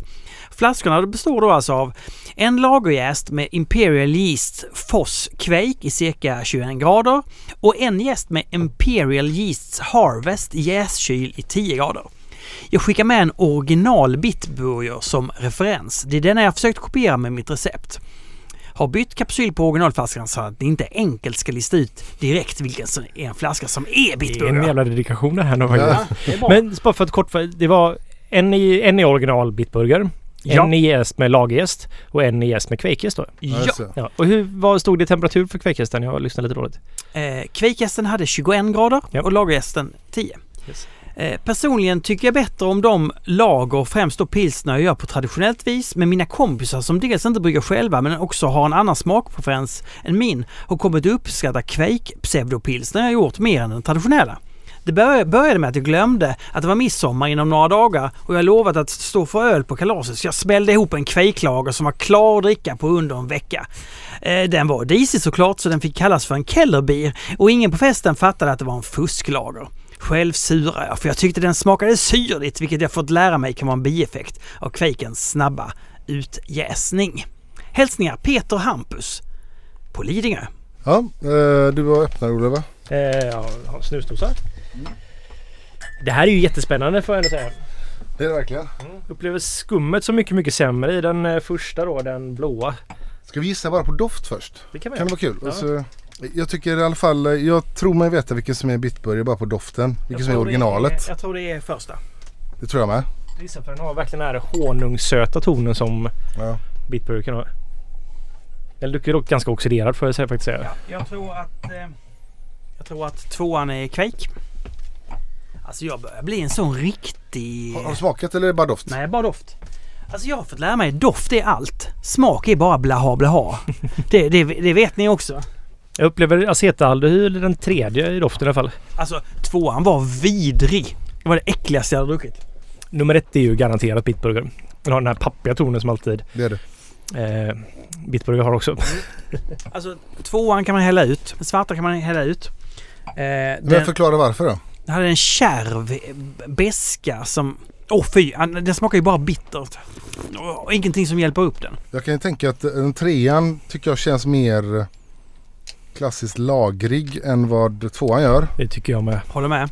Så därför tror jag att eh, tvåan, det vill säga den svarta är kvaken och den trean som är röd tror jag är lagergästen. Jag Håller med. Jag håller också med faktiskt. Ha, dags att öppna. Men de, de är ju ändå ganska förvånansvärt lika de här två tycker jag. Men Jag tycker ändå att, jag, jag måste ändå ge, precis, jag tycker, jag tycker inte alls att tvåan är så äcklig som Martin tycker. Men, Nej, jag tycker inte heller det. eh, så att jag håller med om att den är intressant att om, om det nu är. Men det jobbiga med trean är att jag för mig är jättemycket acetaldehyd. har Då öppnar vi alltså facit. Blå penna på etiketten var då original Bitburger som vi gissade. Eh, röd penna på etiketten. Det var lagergästen. Jajamän, det gissade vi också. Och svart penna på etiketten, då var det äh, kveikgästen. Mm. Precis som vi gissade. Jag tycker, jag tycker för om man alltså Kvejken är ju godare än den tredje faktiskt. Det, det tycker jag med. Tvåan är godare än trean. Men eh, jag undrar, kan det vara så att kan kveikgästen ha så här mindre förmåga att skapa acetaldehyd? Det kan ju vara andra saker såklart som gör det. Ja.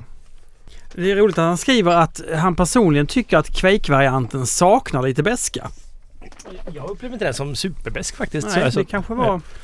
Eller den har beska men... Ja. Men det är ju intressant. Det är ju, alltså kvejkhäst är ju ett väldigt unik häst ändå. Mm. Och att jag jäsa blev, eh, så rent vid 20 grader också är väldigt... Ja, jag är faktiskt imponerad. Ja. Det trodde jag inte. Jag får inte riktigt den här ale-karaktären heller på något sätt liksom. Nej. Utan den känns tillräckligt ren. Trots att vi hade rätt nu så får man inte säga, det är inte, det är inte så tydligt att det här var en, som man skulle kunna tänka att det här skulle vara en eh, väldigt så här estrig eller Mm. oren. Den var ju lageraktig som du säger. Sen har vi fått ett överraskningsöl. Vadå överraskningsöl? Nej men vi fick det här ölet från eh, Dan. Ölbranschen. Dan, Dan Ölund. Dan, Dan Palberg Ölund. Eh, som har det här ölbranschen. Hembryggare från Skellef, Skellefteå. Men han sa att det här jag skulle ge det till er som en överraskning.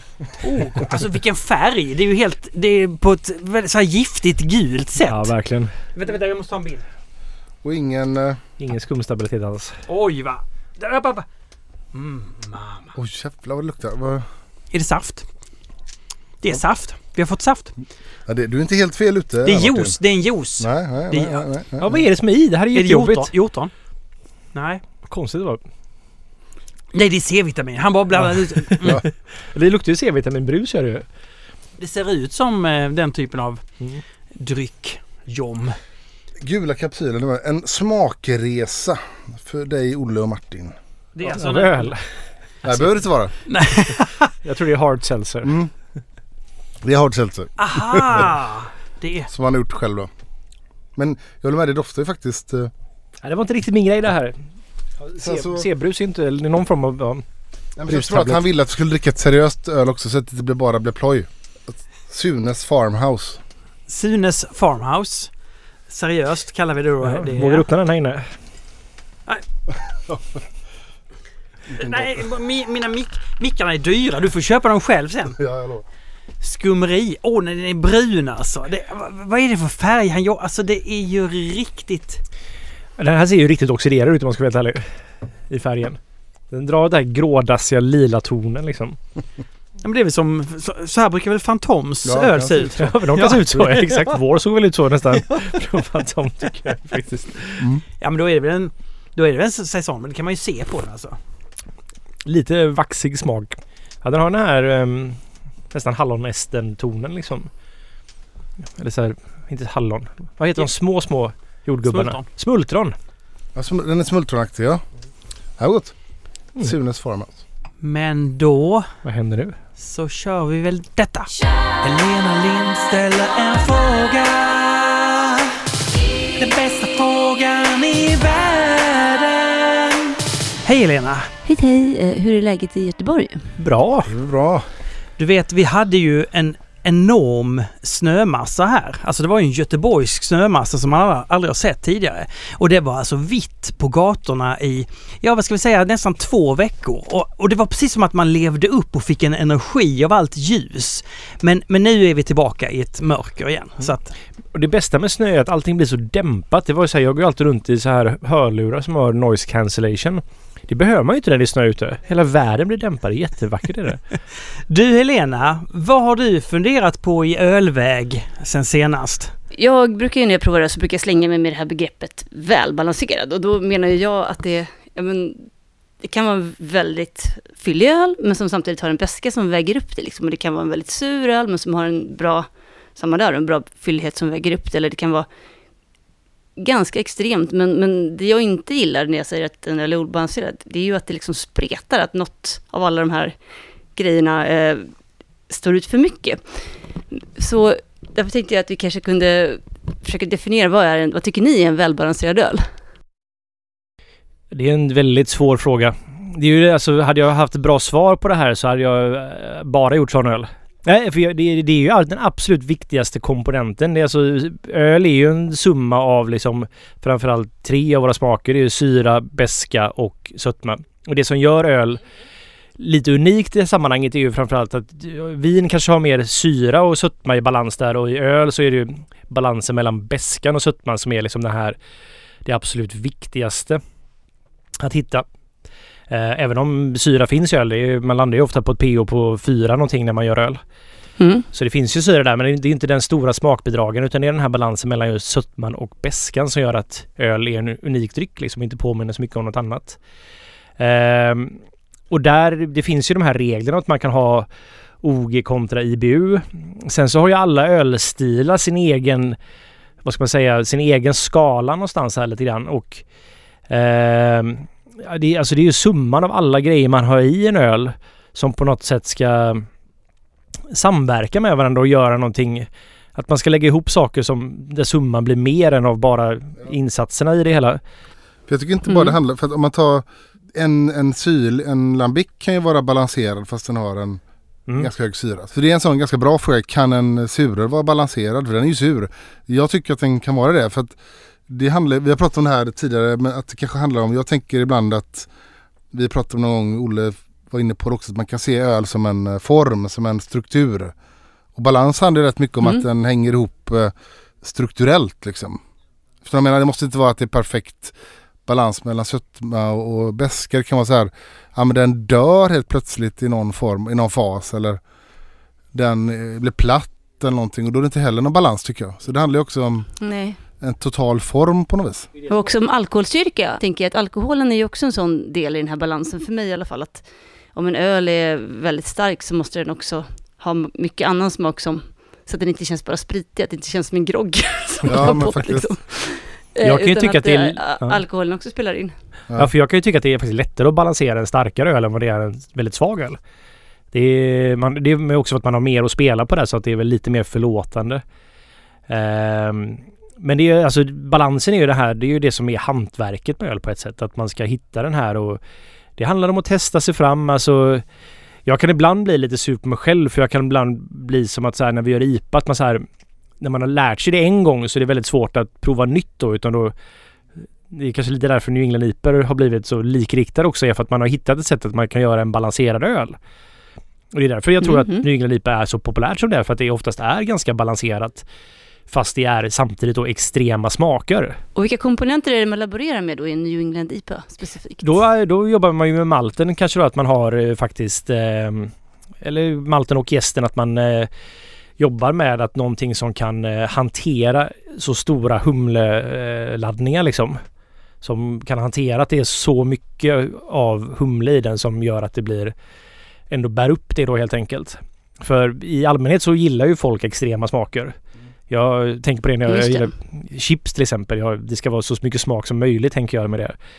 Och chips är ett väldigt bra medium för att faktiskt få i sig väldigt kraftfulla smaker utan att det känns obalanserat helt enkelt. Men... eh, Chips är ett väldigt bra medium, den tar jag med mig. Ja. idag, känner jag.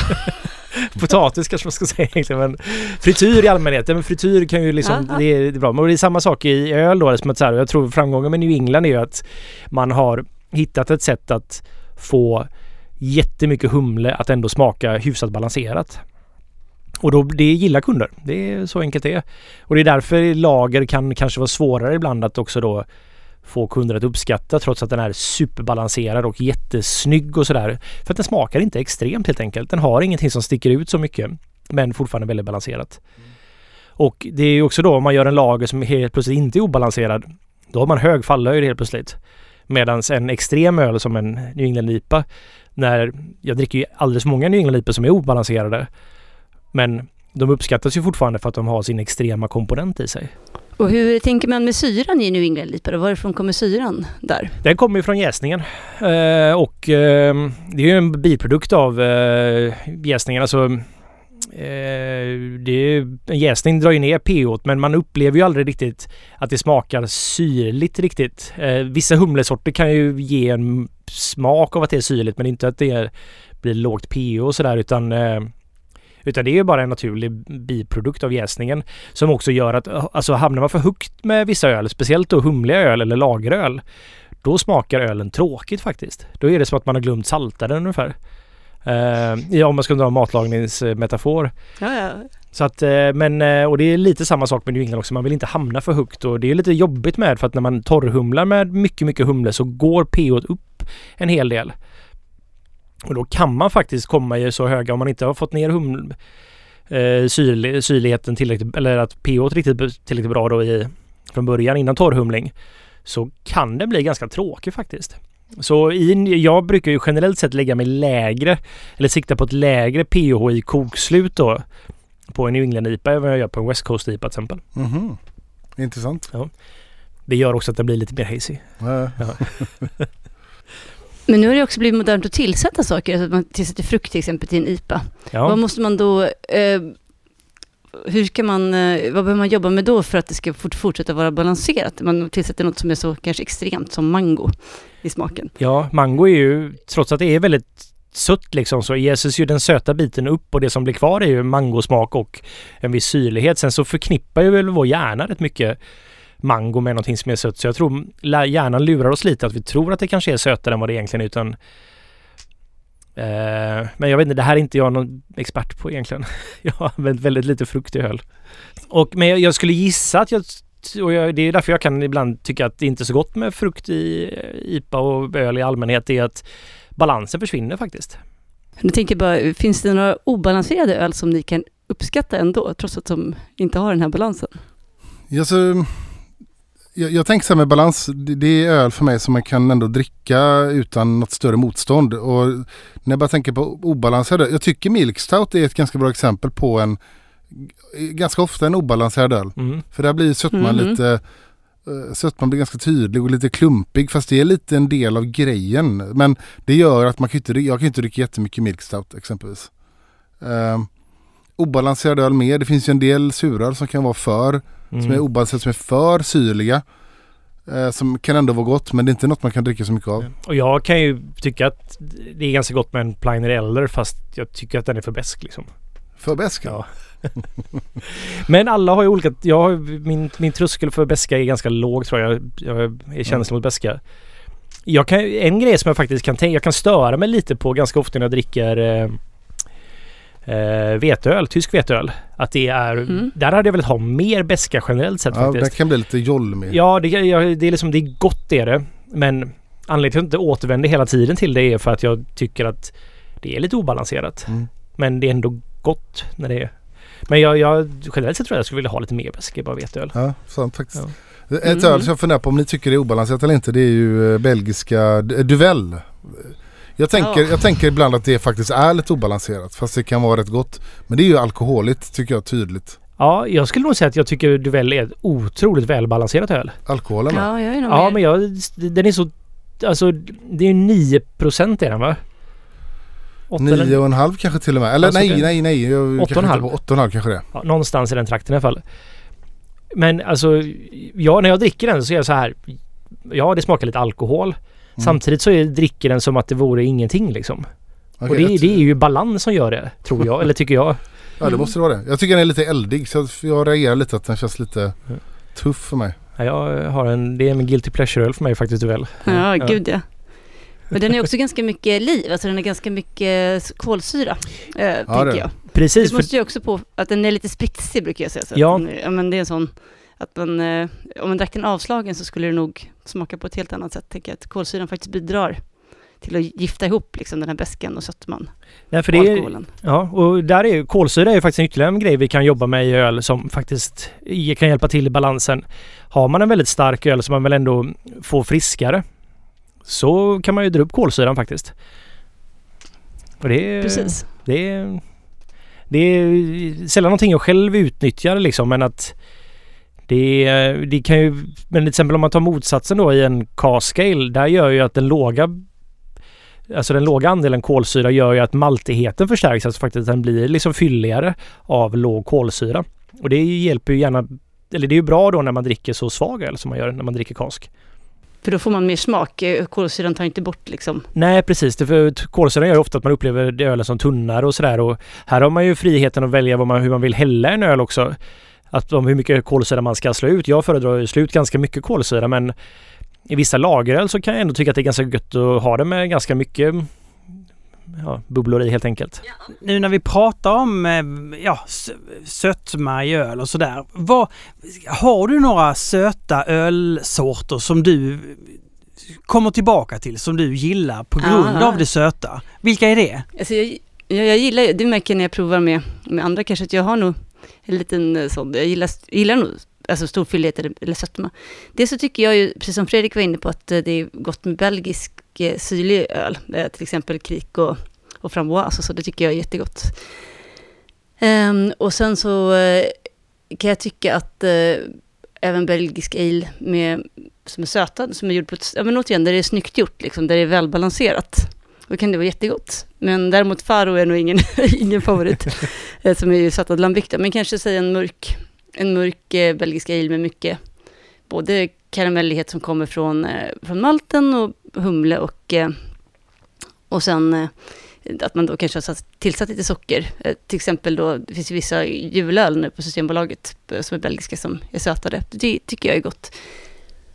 Mm. Men däremot så har jag nog svårt för milk stout. Det är inte min grej. det Nej, vem, vem även då kan jag gilla gillar inte det? heller laktos i, i IPA, tycker jag inte heller är någon höjdare. Så att det, Ja, vi har en person som kommer sen som älskar milk stout men det är... Som sista fråga till dig. Vilken öl eh, har du på julbordet som du inte kan vara utan? Ehm, åh, vilken... Jag, jag tycker ju... Det är liksom, jag tycker att man kan ha olika öl till olika delar av julbordet. Men eh, till eh, sillen så tycker jag Bedre Bitter är väldigt bra. Det är ju ingen julöl, men den gör sig väldigt bra till sill. Mm. eh, tycker jag. Och sen eh, så dricker jag gärna en, eh, efter maten, en, en belgisk öl.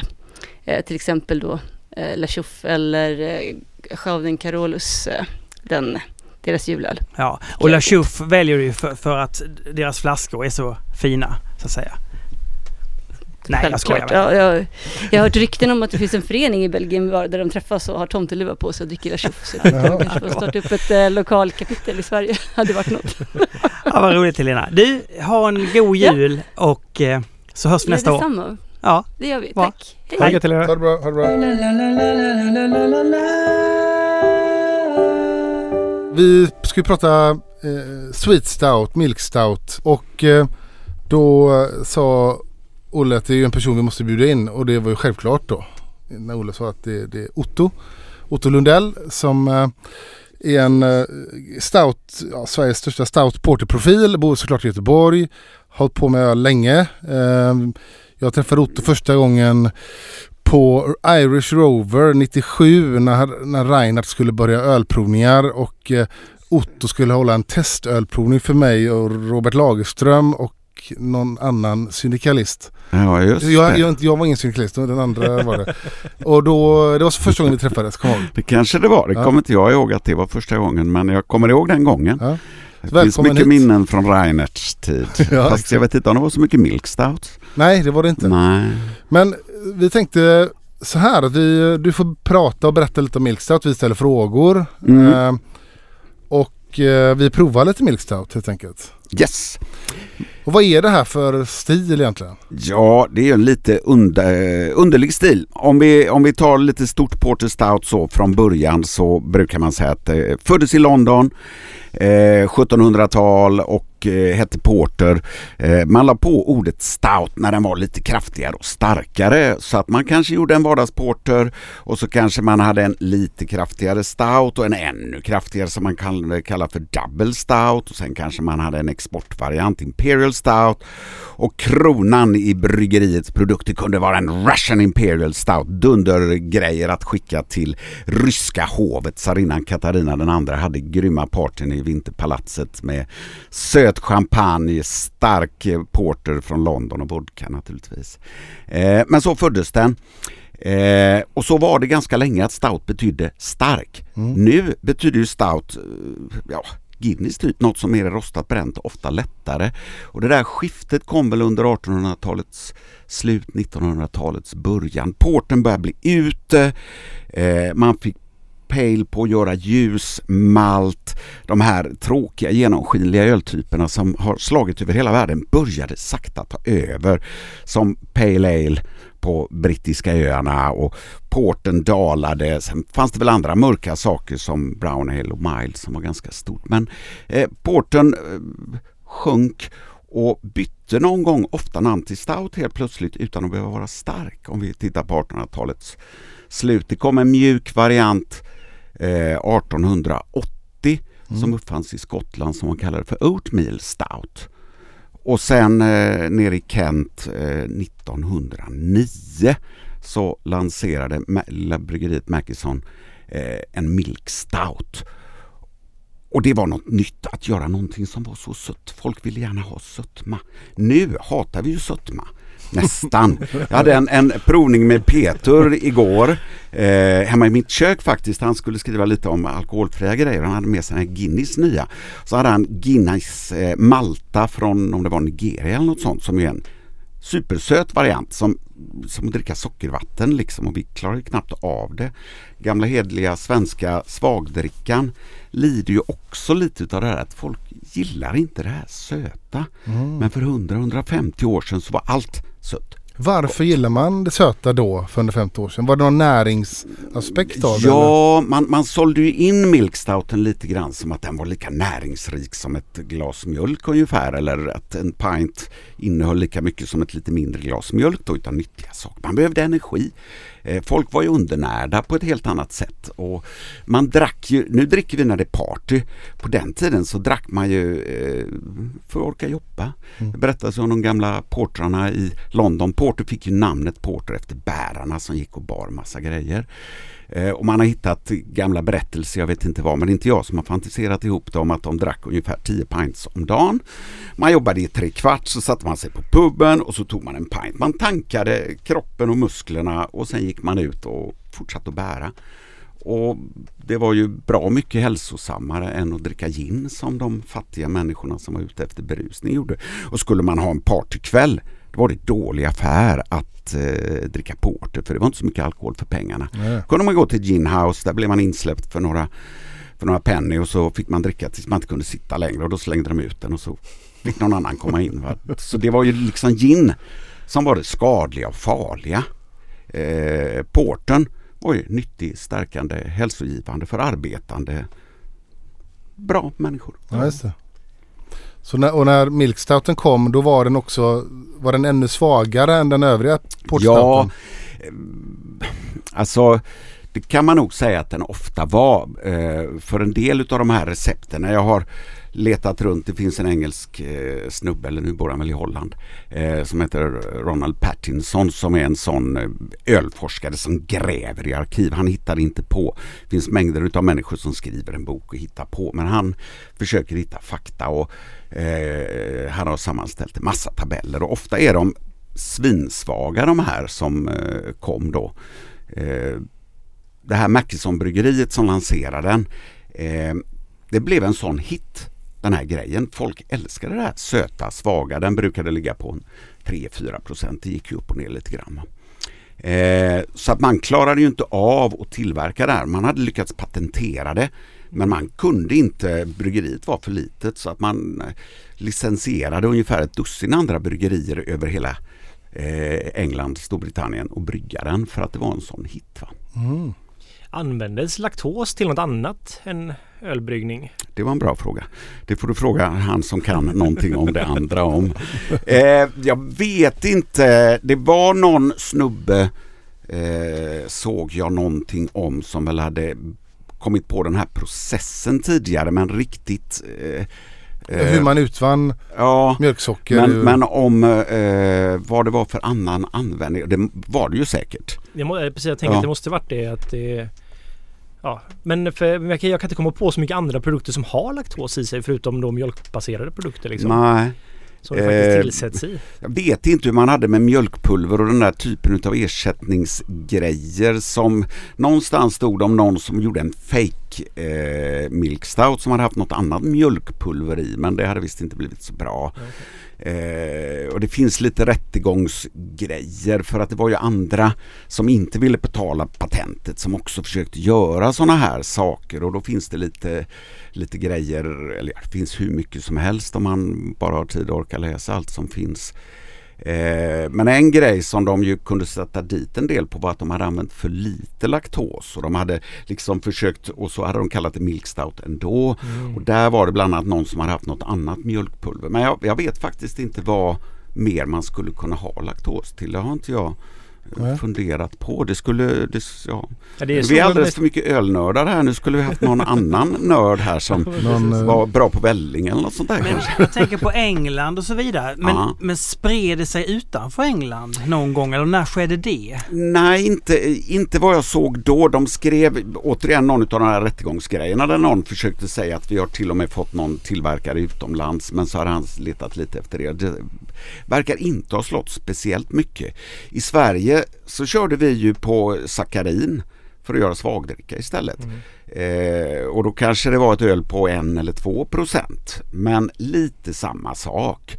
Det var ju liksom ganska svårt att berusa sig på den här milkstouten. Det var ju inte därför man drack det så att säga. Utan det var ja, bra att dricka på jobbet, eh, bra att ge barnen. Eh, det fanns ju också någonting om att det var nyttigt. Eh, och det hade det ju funnits kring de mörka ölerna i evigheter. Och om man skulle föda barn, om man skulle ge dem mjölk. eh, Och det var ju inte bara traditioner här. I Tyskland såldes eh, Kustritze som kanske är deras största svarta lager med, med ammande eh, mammor. Så att det finns något skimmer utav hälsosamhet i mörka öl. Och riktigt när och varför, det vet jag inte. Eh, sentida grejer. Jag läste någonstans om något experiment på HIV-sjuka där de hade sett att de som drack svart öl, var det Guinness framförallt, eh, mådde bättre än de som drack sån här genomskinlig öl. Och det är ju lite grann som, nu skrattar ni där, ni tror att Otto står och ljuger. Nej, nej, nej. Men eh, det är ju lite grann det här med antioxidanterna som finns i, i rödvin, inte i vita viner. Eh, den rostade malten ger ju ganska mycket sådana saker. Som, och, och det, så det ligger ju säkert lite grann i det. Sen är det ju ett problem med alla mediciner som innehåller alkohol och doseringen då. För alkohol är ju inte för alla nyttigt eh, alltid i stora Jag, jag tänkte mest på att det var roligt att man har så här funderat på Ska vi testa bara ge dem Guinness och se om det funkar? Ja. Ja. Ja, man drog ju det ganska långt. Jag har en, eh, har en affisch hemma som är gammal. Det är en milk stout affisch.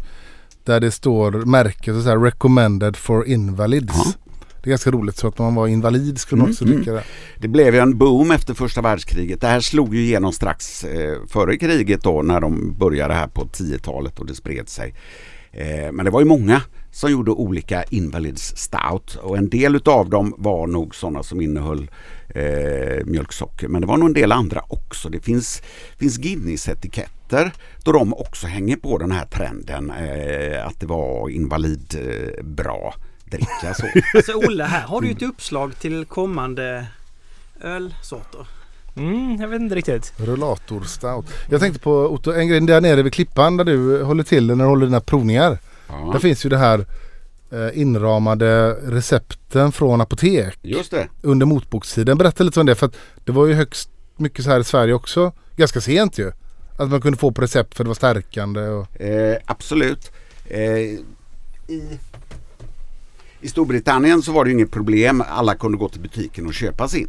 Eh, sen hade ju många av de här klarat sig som folköl i Sverige men i Sverige så, eh, så förbjöds ju starköl från 1920 lite tidigare i städerna under motboksperioden. Eh, men då blev ju lärar, eh, läkarkåren lite upprörd och tänkte hur, hur ska de här gamla krymplingarna och svaga människor som lever tack vare att de får sig en porter då och då klara sig. Så att då blev portern en medicinalvara. Eh, så att man fick gå till doktorn, uppvisa rätt typ av symptom och så kunde han skriva ut ett recept. Och så gick man och hämtade sin porter och så var man nöjd och glad med det. Och det finns ju en del eh, gulliga exempel på de här. Mm. Eh, Kapten Jansson, sex flaskor utvärtesbruk som man ju kan fundera på om det var något misslyckat försök till brun utan sol eller om det är det här med hårbotten det finns ju faktiskt i Lush-butikerna så finns det ett schampo som heter Symphia Sylvia Stout där det, ja. som innehåller irländsk stout. Okay. Bra på hårbotten. Eh, konsul Andreasson fick ett recept på åtta flaskor med doseringen en tesked i sänder och det är Väldigt små doser tills verkan inträder. Okay. Eh, så att... Eh, Men ja. ett spetsglas vid uppvaknande? Mm. Eh, det hade vi en flaska i Porterklubben, den har vi nog kvar någonstans. Eh, fru Valerius, Valerius var en man som hade kvar eh, papper från 30 och 50-talet som var med oss några gånger eh, på 90-talet. Eh, hans fru hade fått den och hon överlevde väl honom, det är inte så många år sedan hon dog. Men det var från eh, apoteket Svanen i de lokalerna där eh, Järntorgets brygghus ligger nu ja. eh, var apotek från början. Där hade hon fått sex flaskor med den doseringen. Ett, mm. ett halvt spetsglas tre gånger dagligen i samband med måltid. Aha. Och det var väl en sån normal dos. Så. ja. ja, det är bra. Ett spetsglas, vad är det förresten? Eh, det är väl ett lite större brännvinsglas. Ja, mm. Den spetsiga modellen. Okay. Men jag tänkte på det här begreppet milk stout, sweet stout. Du nämnde tidigare att, att oatmeal stout om jag fattar rätt fanns innan som begrepp? Ja, eller? de tyckte, ja. Eh, Pattinson, eh, jag försöker hålla upp en, en skärm här och bläddra lite. Eh, han hade hittat, det har inte jag riktigt tänkt på riktigt, men Maclay were the first to brew an oat stout way back in uh, the 1890s. They tried to patent oat malt, uh, but other brewers simply used flake Oats and Colvar Bears Oatmeal Stout. De gjorde alltså malt på eh, havre första gången och så försökte de ta patent på det. Mm. Men de andra kom på att vad fan det är ju bara att pressa ner dem till havregryn och slänga i. Mm. Eh, så det funkade liksom inte det här laktos som ju eh, eh, Mackinson kunde patentera var väl mer typiskt. Så att, och det är ju någonting som man brukar säga ger mjukhet, lite klistrighet i, eh, i munnen mm. på ett trevligt sätt. Eh, så det är också ett sätt att göra det mjukt och runt ja, fast kanske inte riktigt lika mycket sött. Sen vet inte jag, det fanns nog ett antal recept där man jobbade med bägge de här grejerna. Eh, och så kanske man döpte det efter det ena eller det andra. Jag har sett en del gamla engelska recept där det finns oatmeals där de under ett antal år inte hade några havregryn men man fortsatte att kalla den. Det är lite svåranalyserat för den normala konsumenten. Mm -hmm. mm. Cream stout då? Var kommer det ifrån? Är det ett svårt begrepp tycker jag? Ja, det är ett svårt begrepp tycker jag också. Jag, jag försökte kolla lite mer på det men det är ganska, det, det, är inte så många engelska bryggerier som har pratat om det. Nej. Jag tror att det faktiskt har kommit nu tack vare att en del amerikanska bryggerier använder det. det. Och när man tittar de gamla papperna eh, så pratar man ofta om cream ale som en amerikansk sak och cream stock ale och att det snarare hade med att det skulle bubbla och vara krämigt på toppen. För annars kan man ju tänka sig ett cream som grädde Eh, men det verkar inte vara så vanligt utan jag, jag, tror egentligen inte det hänger ihop. Men det mm. finns en del engelska bryggerier som har slängt på det där med cream. Men okay. om man jämför med oatmeal eh, och milk stout så är det väldigt sällsynt. Så att jag tror att det är lite modernare förvanskning när man har försökt klumpa ihop det faktiskt. Ja, okay. eh, jag hittar inte Nej. när jag har letat och, och, som sagt det är ju mycket via Pattinsons grejer. Ja, men han, han brukar gräva bäst. För var det Samuel Adams eller, eller Boston Beer Camp? Äh, mm, de, de, de, hade någon eh, cream stout. Ja, eh, St. Peters cream Peters, stout. Men ingen av dem innehåller laktos utan Nej. är väl mer krämiga. Ja, jag fattar. Eh, och, det, Ibland är det bara en marknadsföringsterm liksom. Det låter gött att säga cream stout om Ja. man ska vara helt ärlig. och det är många som tycker att Guinness är lite krämig. Precis. Och den upplevs ju som gräddig. Eh, På grund och av kvävgasen Ja. så... Ger nog den krämigheten så va. Mm.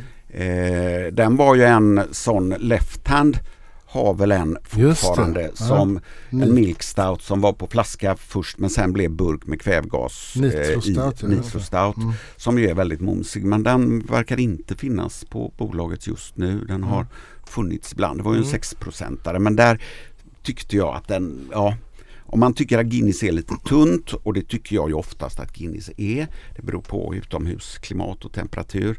Eh, Guinness eh, klass 2 är ju en sån gräsklipparöl för mig. En varm sommardag så svalkar jag mig väldigt gärna med det eller vid stranden och då kan man köra bil ganska snart igen. Så, så där tycker jag ju den är bra. Men lite tunn. Men där var ju den här left hand, den var ju liksom perfekt med sina 6% krämig, god och det här trevliga skummet. Så. Ja, Vad, och du nämnde någon, något varumärke. Det finns ju något som du har med dig också såg jag. Något som ses som lite klassiken inom uh, Sweet Stout. Eller? Ja det är ju den här Mackison som vi pratar om. Första Ja. bryggeriet. Nu står det ju inte Milk Stout på den längre.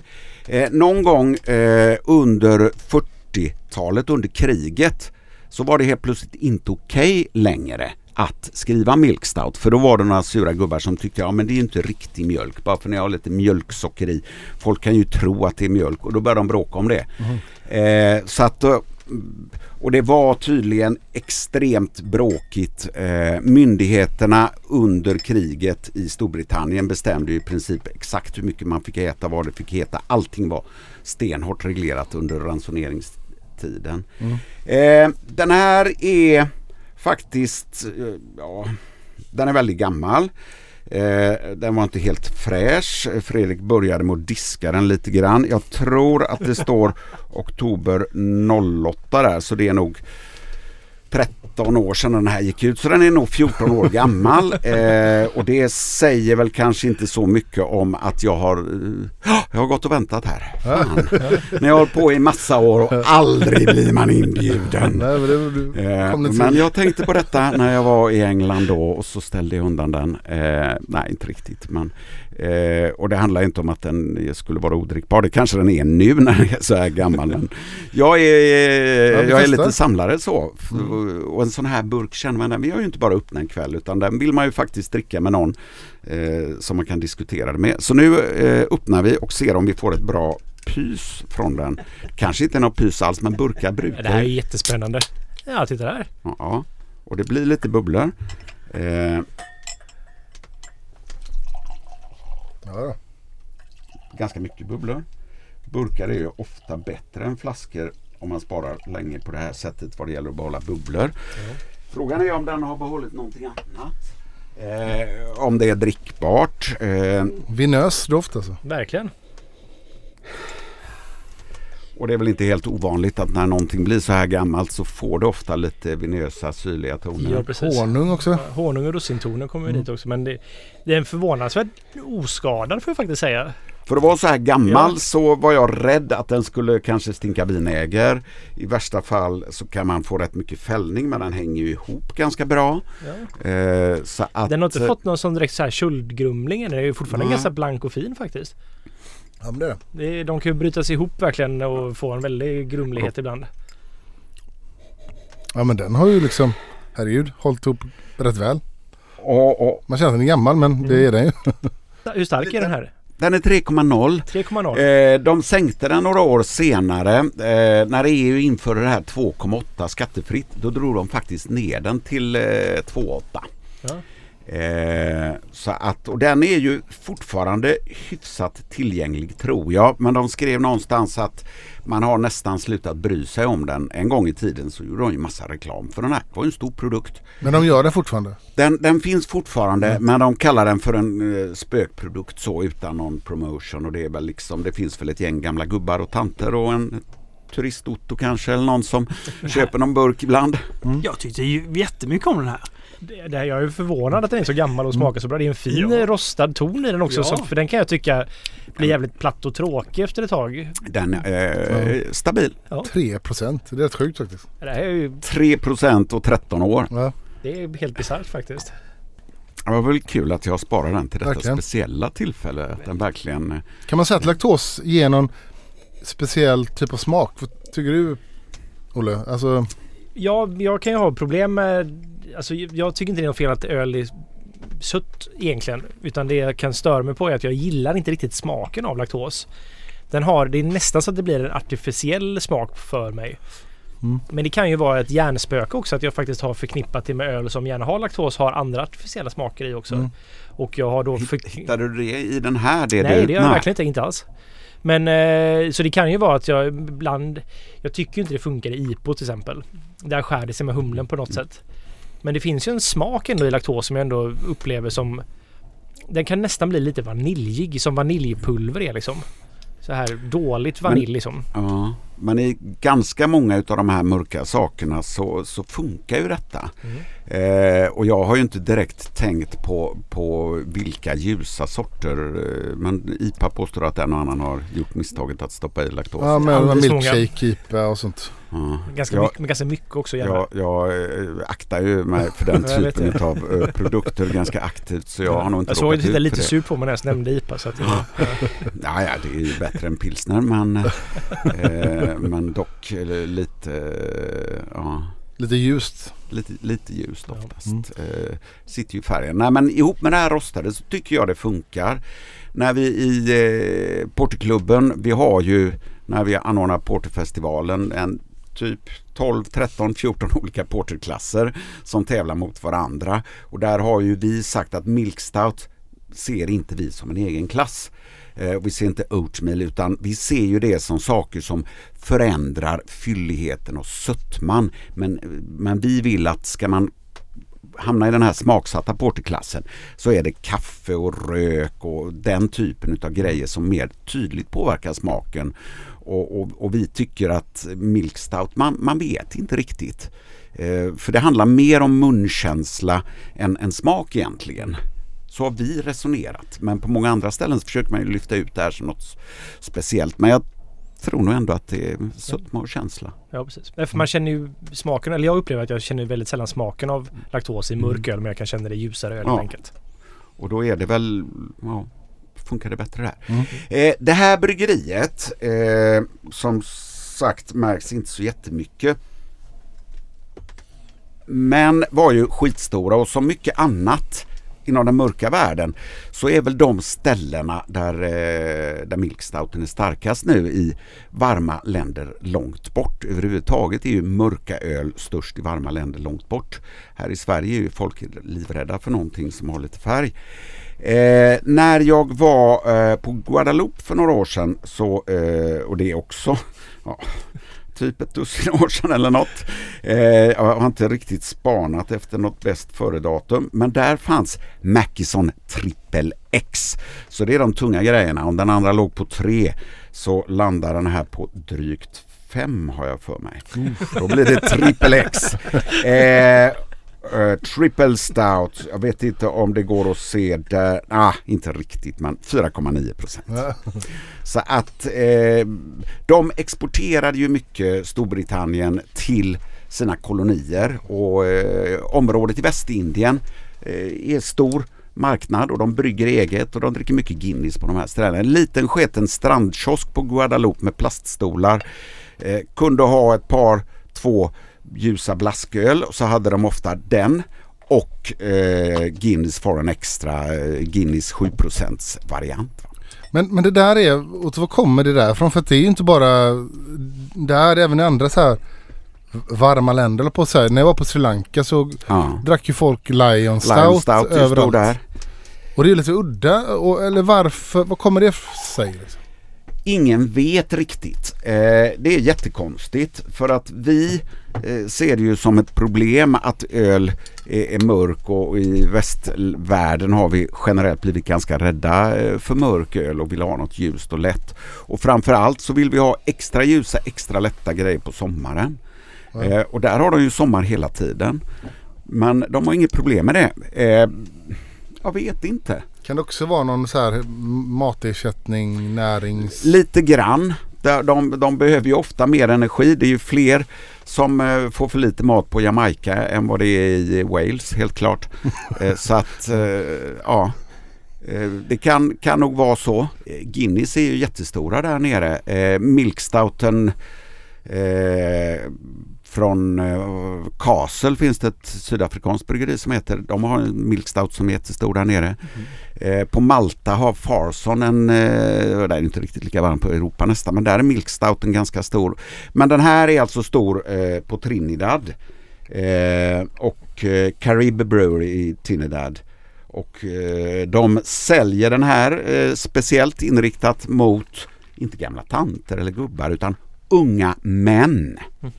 Oj, Eh, med slogan King of the Night. oj, oj. oj. Eh, jag hörde en, en kompis som var på Jamaica och då tror jag det var Lion Stout, en annan lokal variant. Och så stod en stor rejäl eh, man som brukade hänga på den här baren och sa, pekade på flaskan You know there's a baby in every bottle. Så det var liksom lite afrodisium så. Aha, okej. Det är någonting man eh, börjar kvällen med innan man går ut och letar flickor. Okej. Mm. Den här känner det här var ju en flaska också. Här har det Ja. hållit upp mycket sämre. Både kolsyran och även oxidationsmässigt. Med lite soja, läder. Inte alls lika fräscht doft, nej. Nej. Trots Här- att det är några procent alkohol till då så Här är har det det ju mer skada. rostade helt dött i stort sett egentligen. Utan nu har det Mm. brutits ner och blivit Ska hämta något att hälla i tänkte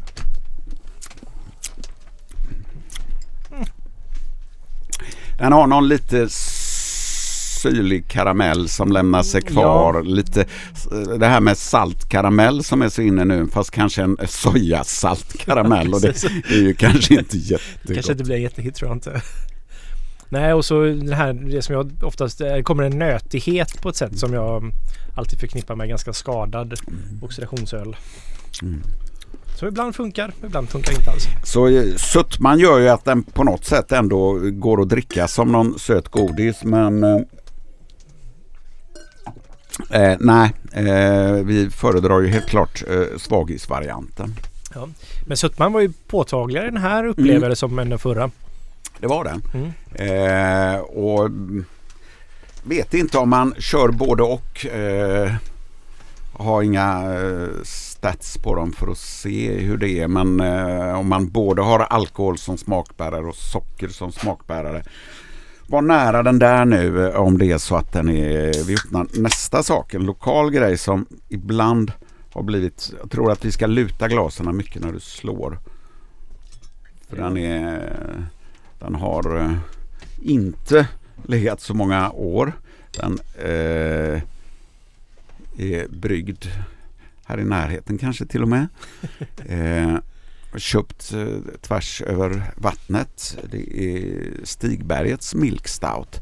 De körde ju en, ska man kalla det, en, en serie Folk Invasion då de gjorde folköl i gammal god eh, engelsk stil och eh, då ska man ju gärna ha med en Milk Stout som en gammal god lågalkohol. För här var det ju verkligen en lågalkoholöl. Pattinson han hittar alltså några grejer som, som låg på en, en och en halv procent de allra värsta. Och han hittade några bryggerier som hade en sån extremt taskig fjäsningsgrad som 37 procent. Vad, vad brukar du ligga på? Eh, ja men mellan s- 70-80 för det mesta. Ja. Ibland ner mot 60 ibland på Ja. väldigt stark öl men Ja, då skulle jag nog missly- säga att det var misslyckad jäsning faktiskt. 37 procent Under 50 procent. eh, finns ju inte egentligen. nej. Det, Det, men de satsade på att vara eh, söta. ja, det verkligen. Den är god men den har ju fortsatt jäsa på burk. Den, den eller den känns lite, Det här känns ganska off tycker jag. lite Den- vild. jag gillar den chokladet. är- men, Den är ju, eh, den är ju lite överkarboniserad. mm, mm. Den har inte direkt blivit konstig. Eller ja, den är ju konstig i eh, konsistensen tack vare det här. Va? Så mycket ska bubblig, den ja. inte bubbla. Och som du sa, du hade råkat ut för att den Ja, det exploderade exploderade. hemma i köket. Eh, så att... Eh, hur är det, hur är det med, med, med mjölksmaken här då?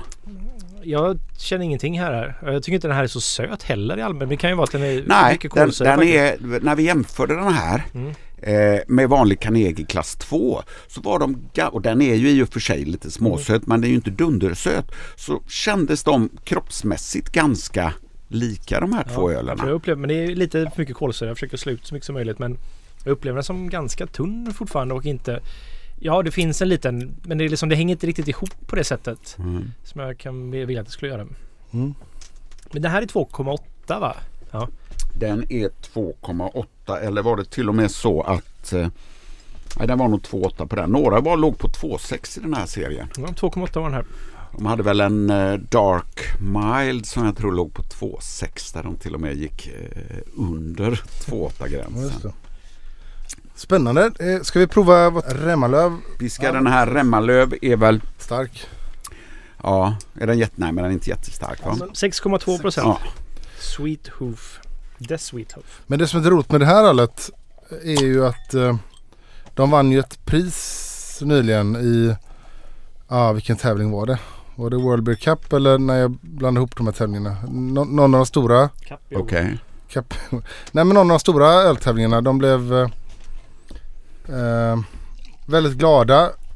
Jag pratade med dem. De hade tänkt att lägga ner det här ölet för det har ju inte sålt. Eh, Folk är ju Så bra. tyvärr Nej. lite rädda för Mm. svarta öl. men då bryggde de igen tack vare Ja. priset. Så det här är en nybryggd Kommer version. de på något sätt kunna få ut den på marknaden? Det får vi hoppas. Vore ju kul om den blev eh, tillgänglig för den har inte varit på så himla många bolag va? Ser ju väldigt... Eh, ah, det är väl ungefär Carnegie, Carnegie Guinness Jag gillar det jag. färg så. Säg vart det Smakar lite mm, paprika. Nej, men det är någonting. Den har en... Det är någon, någon biton där som är lite spännande.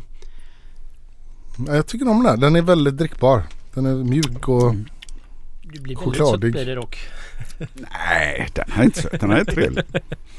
Men om vi jämför med, med den här eh, trippel Xen så, så är den ju inte jättesöt. Nej. Men jag är ju, jag är ju lite svag för eh, maltsötma så och sötma överhuvudtaget.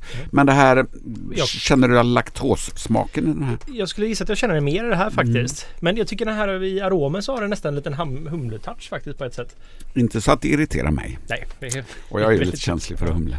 Jag, jag kommer ihåg det. Jag, jag, första gången vi byggde promenadporter på Stiberget så var jag inte jättenöjd och då frågade jag om råd och då var det som att så här typ fyrdubbla mängden karamellmalt du har i. Mm. Och så gjorde jag typ det. Det blev mycket bättre faktiskt. Ja, Ja. mycket bättre blev det. Karamell är gott. Jag kommer ihåg att jag var så här, nej det kan man ju inte göra. Och jag tror inte första gången att jag faktiskt, jag- då kanske jag bara dubblade karamellmängden. Och sen dubblar du en gång Så till. dubblade jag en gång till sen. Då börjar det bli bra. Då blir det bra. Ja, du kan nog dubbla en gång till så blir det perfekt. Därför jag tror du sa någonting om att så här, du kan inte ha för mycket karamellmalt i. Nej, det säger jag. Men det, är ju, det kan man ju säga till, eh, till bryggare som är lite försiktiga. Så. Precis. Hur ser du på eh, porterns och stoutens framtid? Tror du på den eller, eller vinkar du av den? Det, det värmer ju när man kan höra, det var väl någon i era poddar jag lyssnade och du sa att du hade bryggt mer utav Porter Porter Mm. tidigare än vad du hade förväntat dig.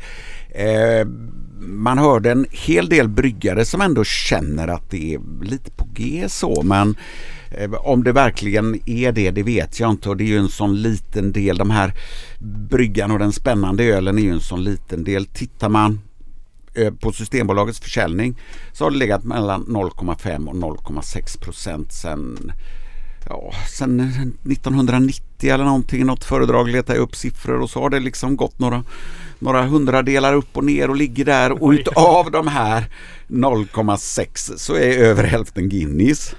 Eh, och, och, och sen så har vi då Fullers och Carnegie och sen, sen kommer de små bryggarna. Ja men jag tycker det har kommit mycket så här imp stout och sånt men det är fortfarande väldigt smått då. Ja, det är oerhört smått. Det kan ju vara glädjande att eh, Oppigårds Turbo Stout med sina 9% säljer tiotusentals liter men det, det landar liksom ändå på tiotusentals liter. Sen kan man ju naturligtvis om det hade funnits någon bra sammanställning men det vet jag inte. Det finns det väl inte Olle vad ni brygger? Det handlar om alkohol och styrka. Det är ingen som för statistik över sorterna på det sättet som Systembolaget gör. Jag har ju min egna statistik. Jo, men du anmäler inte till några myndigheter Nej, att nu var det så mycket. Så det finns liksom, det enda man kan gå på är Systembolaget. Ja. Eh, och mycket av specialölerna går ju till krogar. Där är det ju mycket större än vad det är på bolaget. Ja. Så det gör ju att eh, vi kan inte riktigt se. Ja. Man skulle ju kanske kunna kolla med Sveriges oberoende mikrobryggerier eller hantverksbryggerier. Vad heter den? Eh, Ja, något sånt. Ja. Jag tror inte att de har det men vi kan Nej, kolla. att man skulle säga att... Nej, har har de ju inte om Nej. inte Olle och alla andra rapporterar. För det bygger Nej, men ju man på skulle kunna rapportering. fråga om det finns intresse att så här, för det är inte så svårt för mig att ta fram det nu i vårt Nej. administrationssystem att bara se vilka ölstilar och procentuellt Det- så kan man skicka in det antingen anonymt bara så att de får någon form av Nej, men det här, uppfattning som- hade ju varit jättekul om det hade funnits den utvecklingen särskilt för mikrobryggerierna och se att nu, nu kommer gåsen här lite grann eller nu dalar den eh, och haft ett, ett antal kanske 10-20 olika kategorier man kunde anmält sina grejer Sant. i. Eh, för att verkligen kunna följa för att visst Systembolaget är fantastiska med sin statistik men de missar ju mycket. Precis. Och krogen för oss små är ju ändå väldigt viktig. Det är Ja. en historia. Och det är ju, alltså vissa öl som funkar jättebra på bolaget kan ju funka dåligt på krogen och tvärtom. Att framförallt är det väl att krogprodukter som man tror nu ska vi lansera det här bolaget. Det här kommer att gå jättebra. Det funkar inte alls. Nej. Och det är ju för etiketten oftast att de inte är tillräckligt publikfriande eller liknande. Hur, hur är det med, med, med Porter Porter, krog, eh, bolag? Eh, jag skulle nog gissa att vi säljer mer på krogen till Mm. bolag faktiskt. Jo men det gör vi garanterat.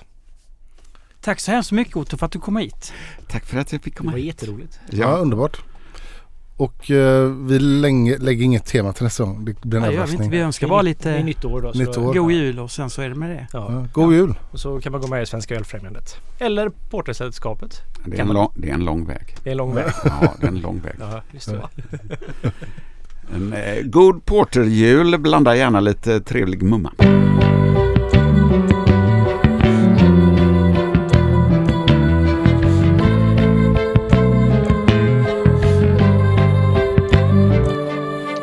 purpose.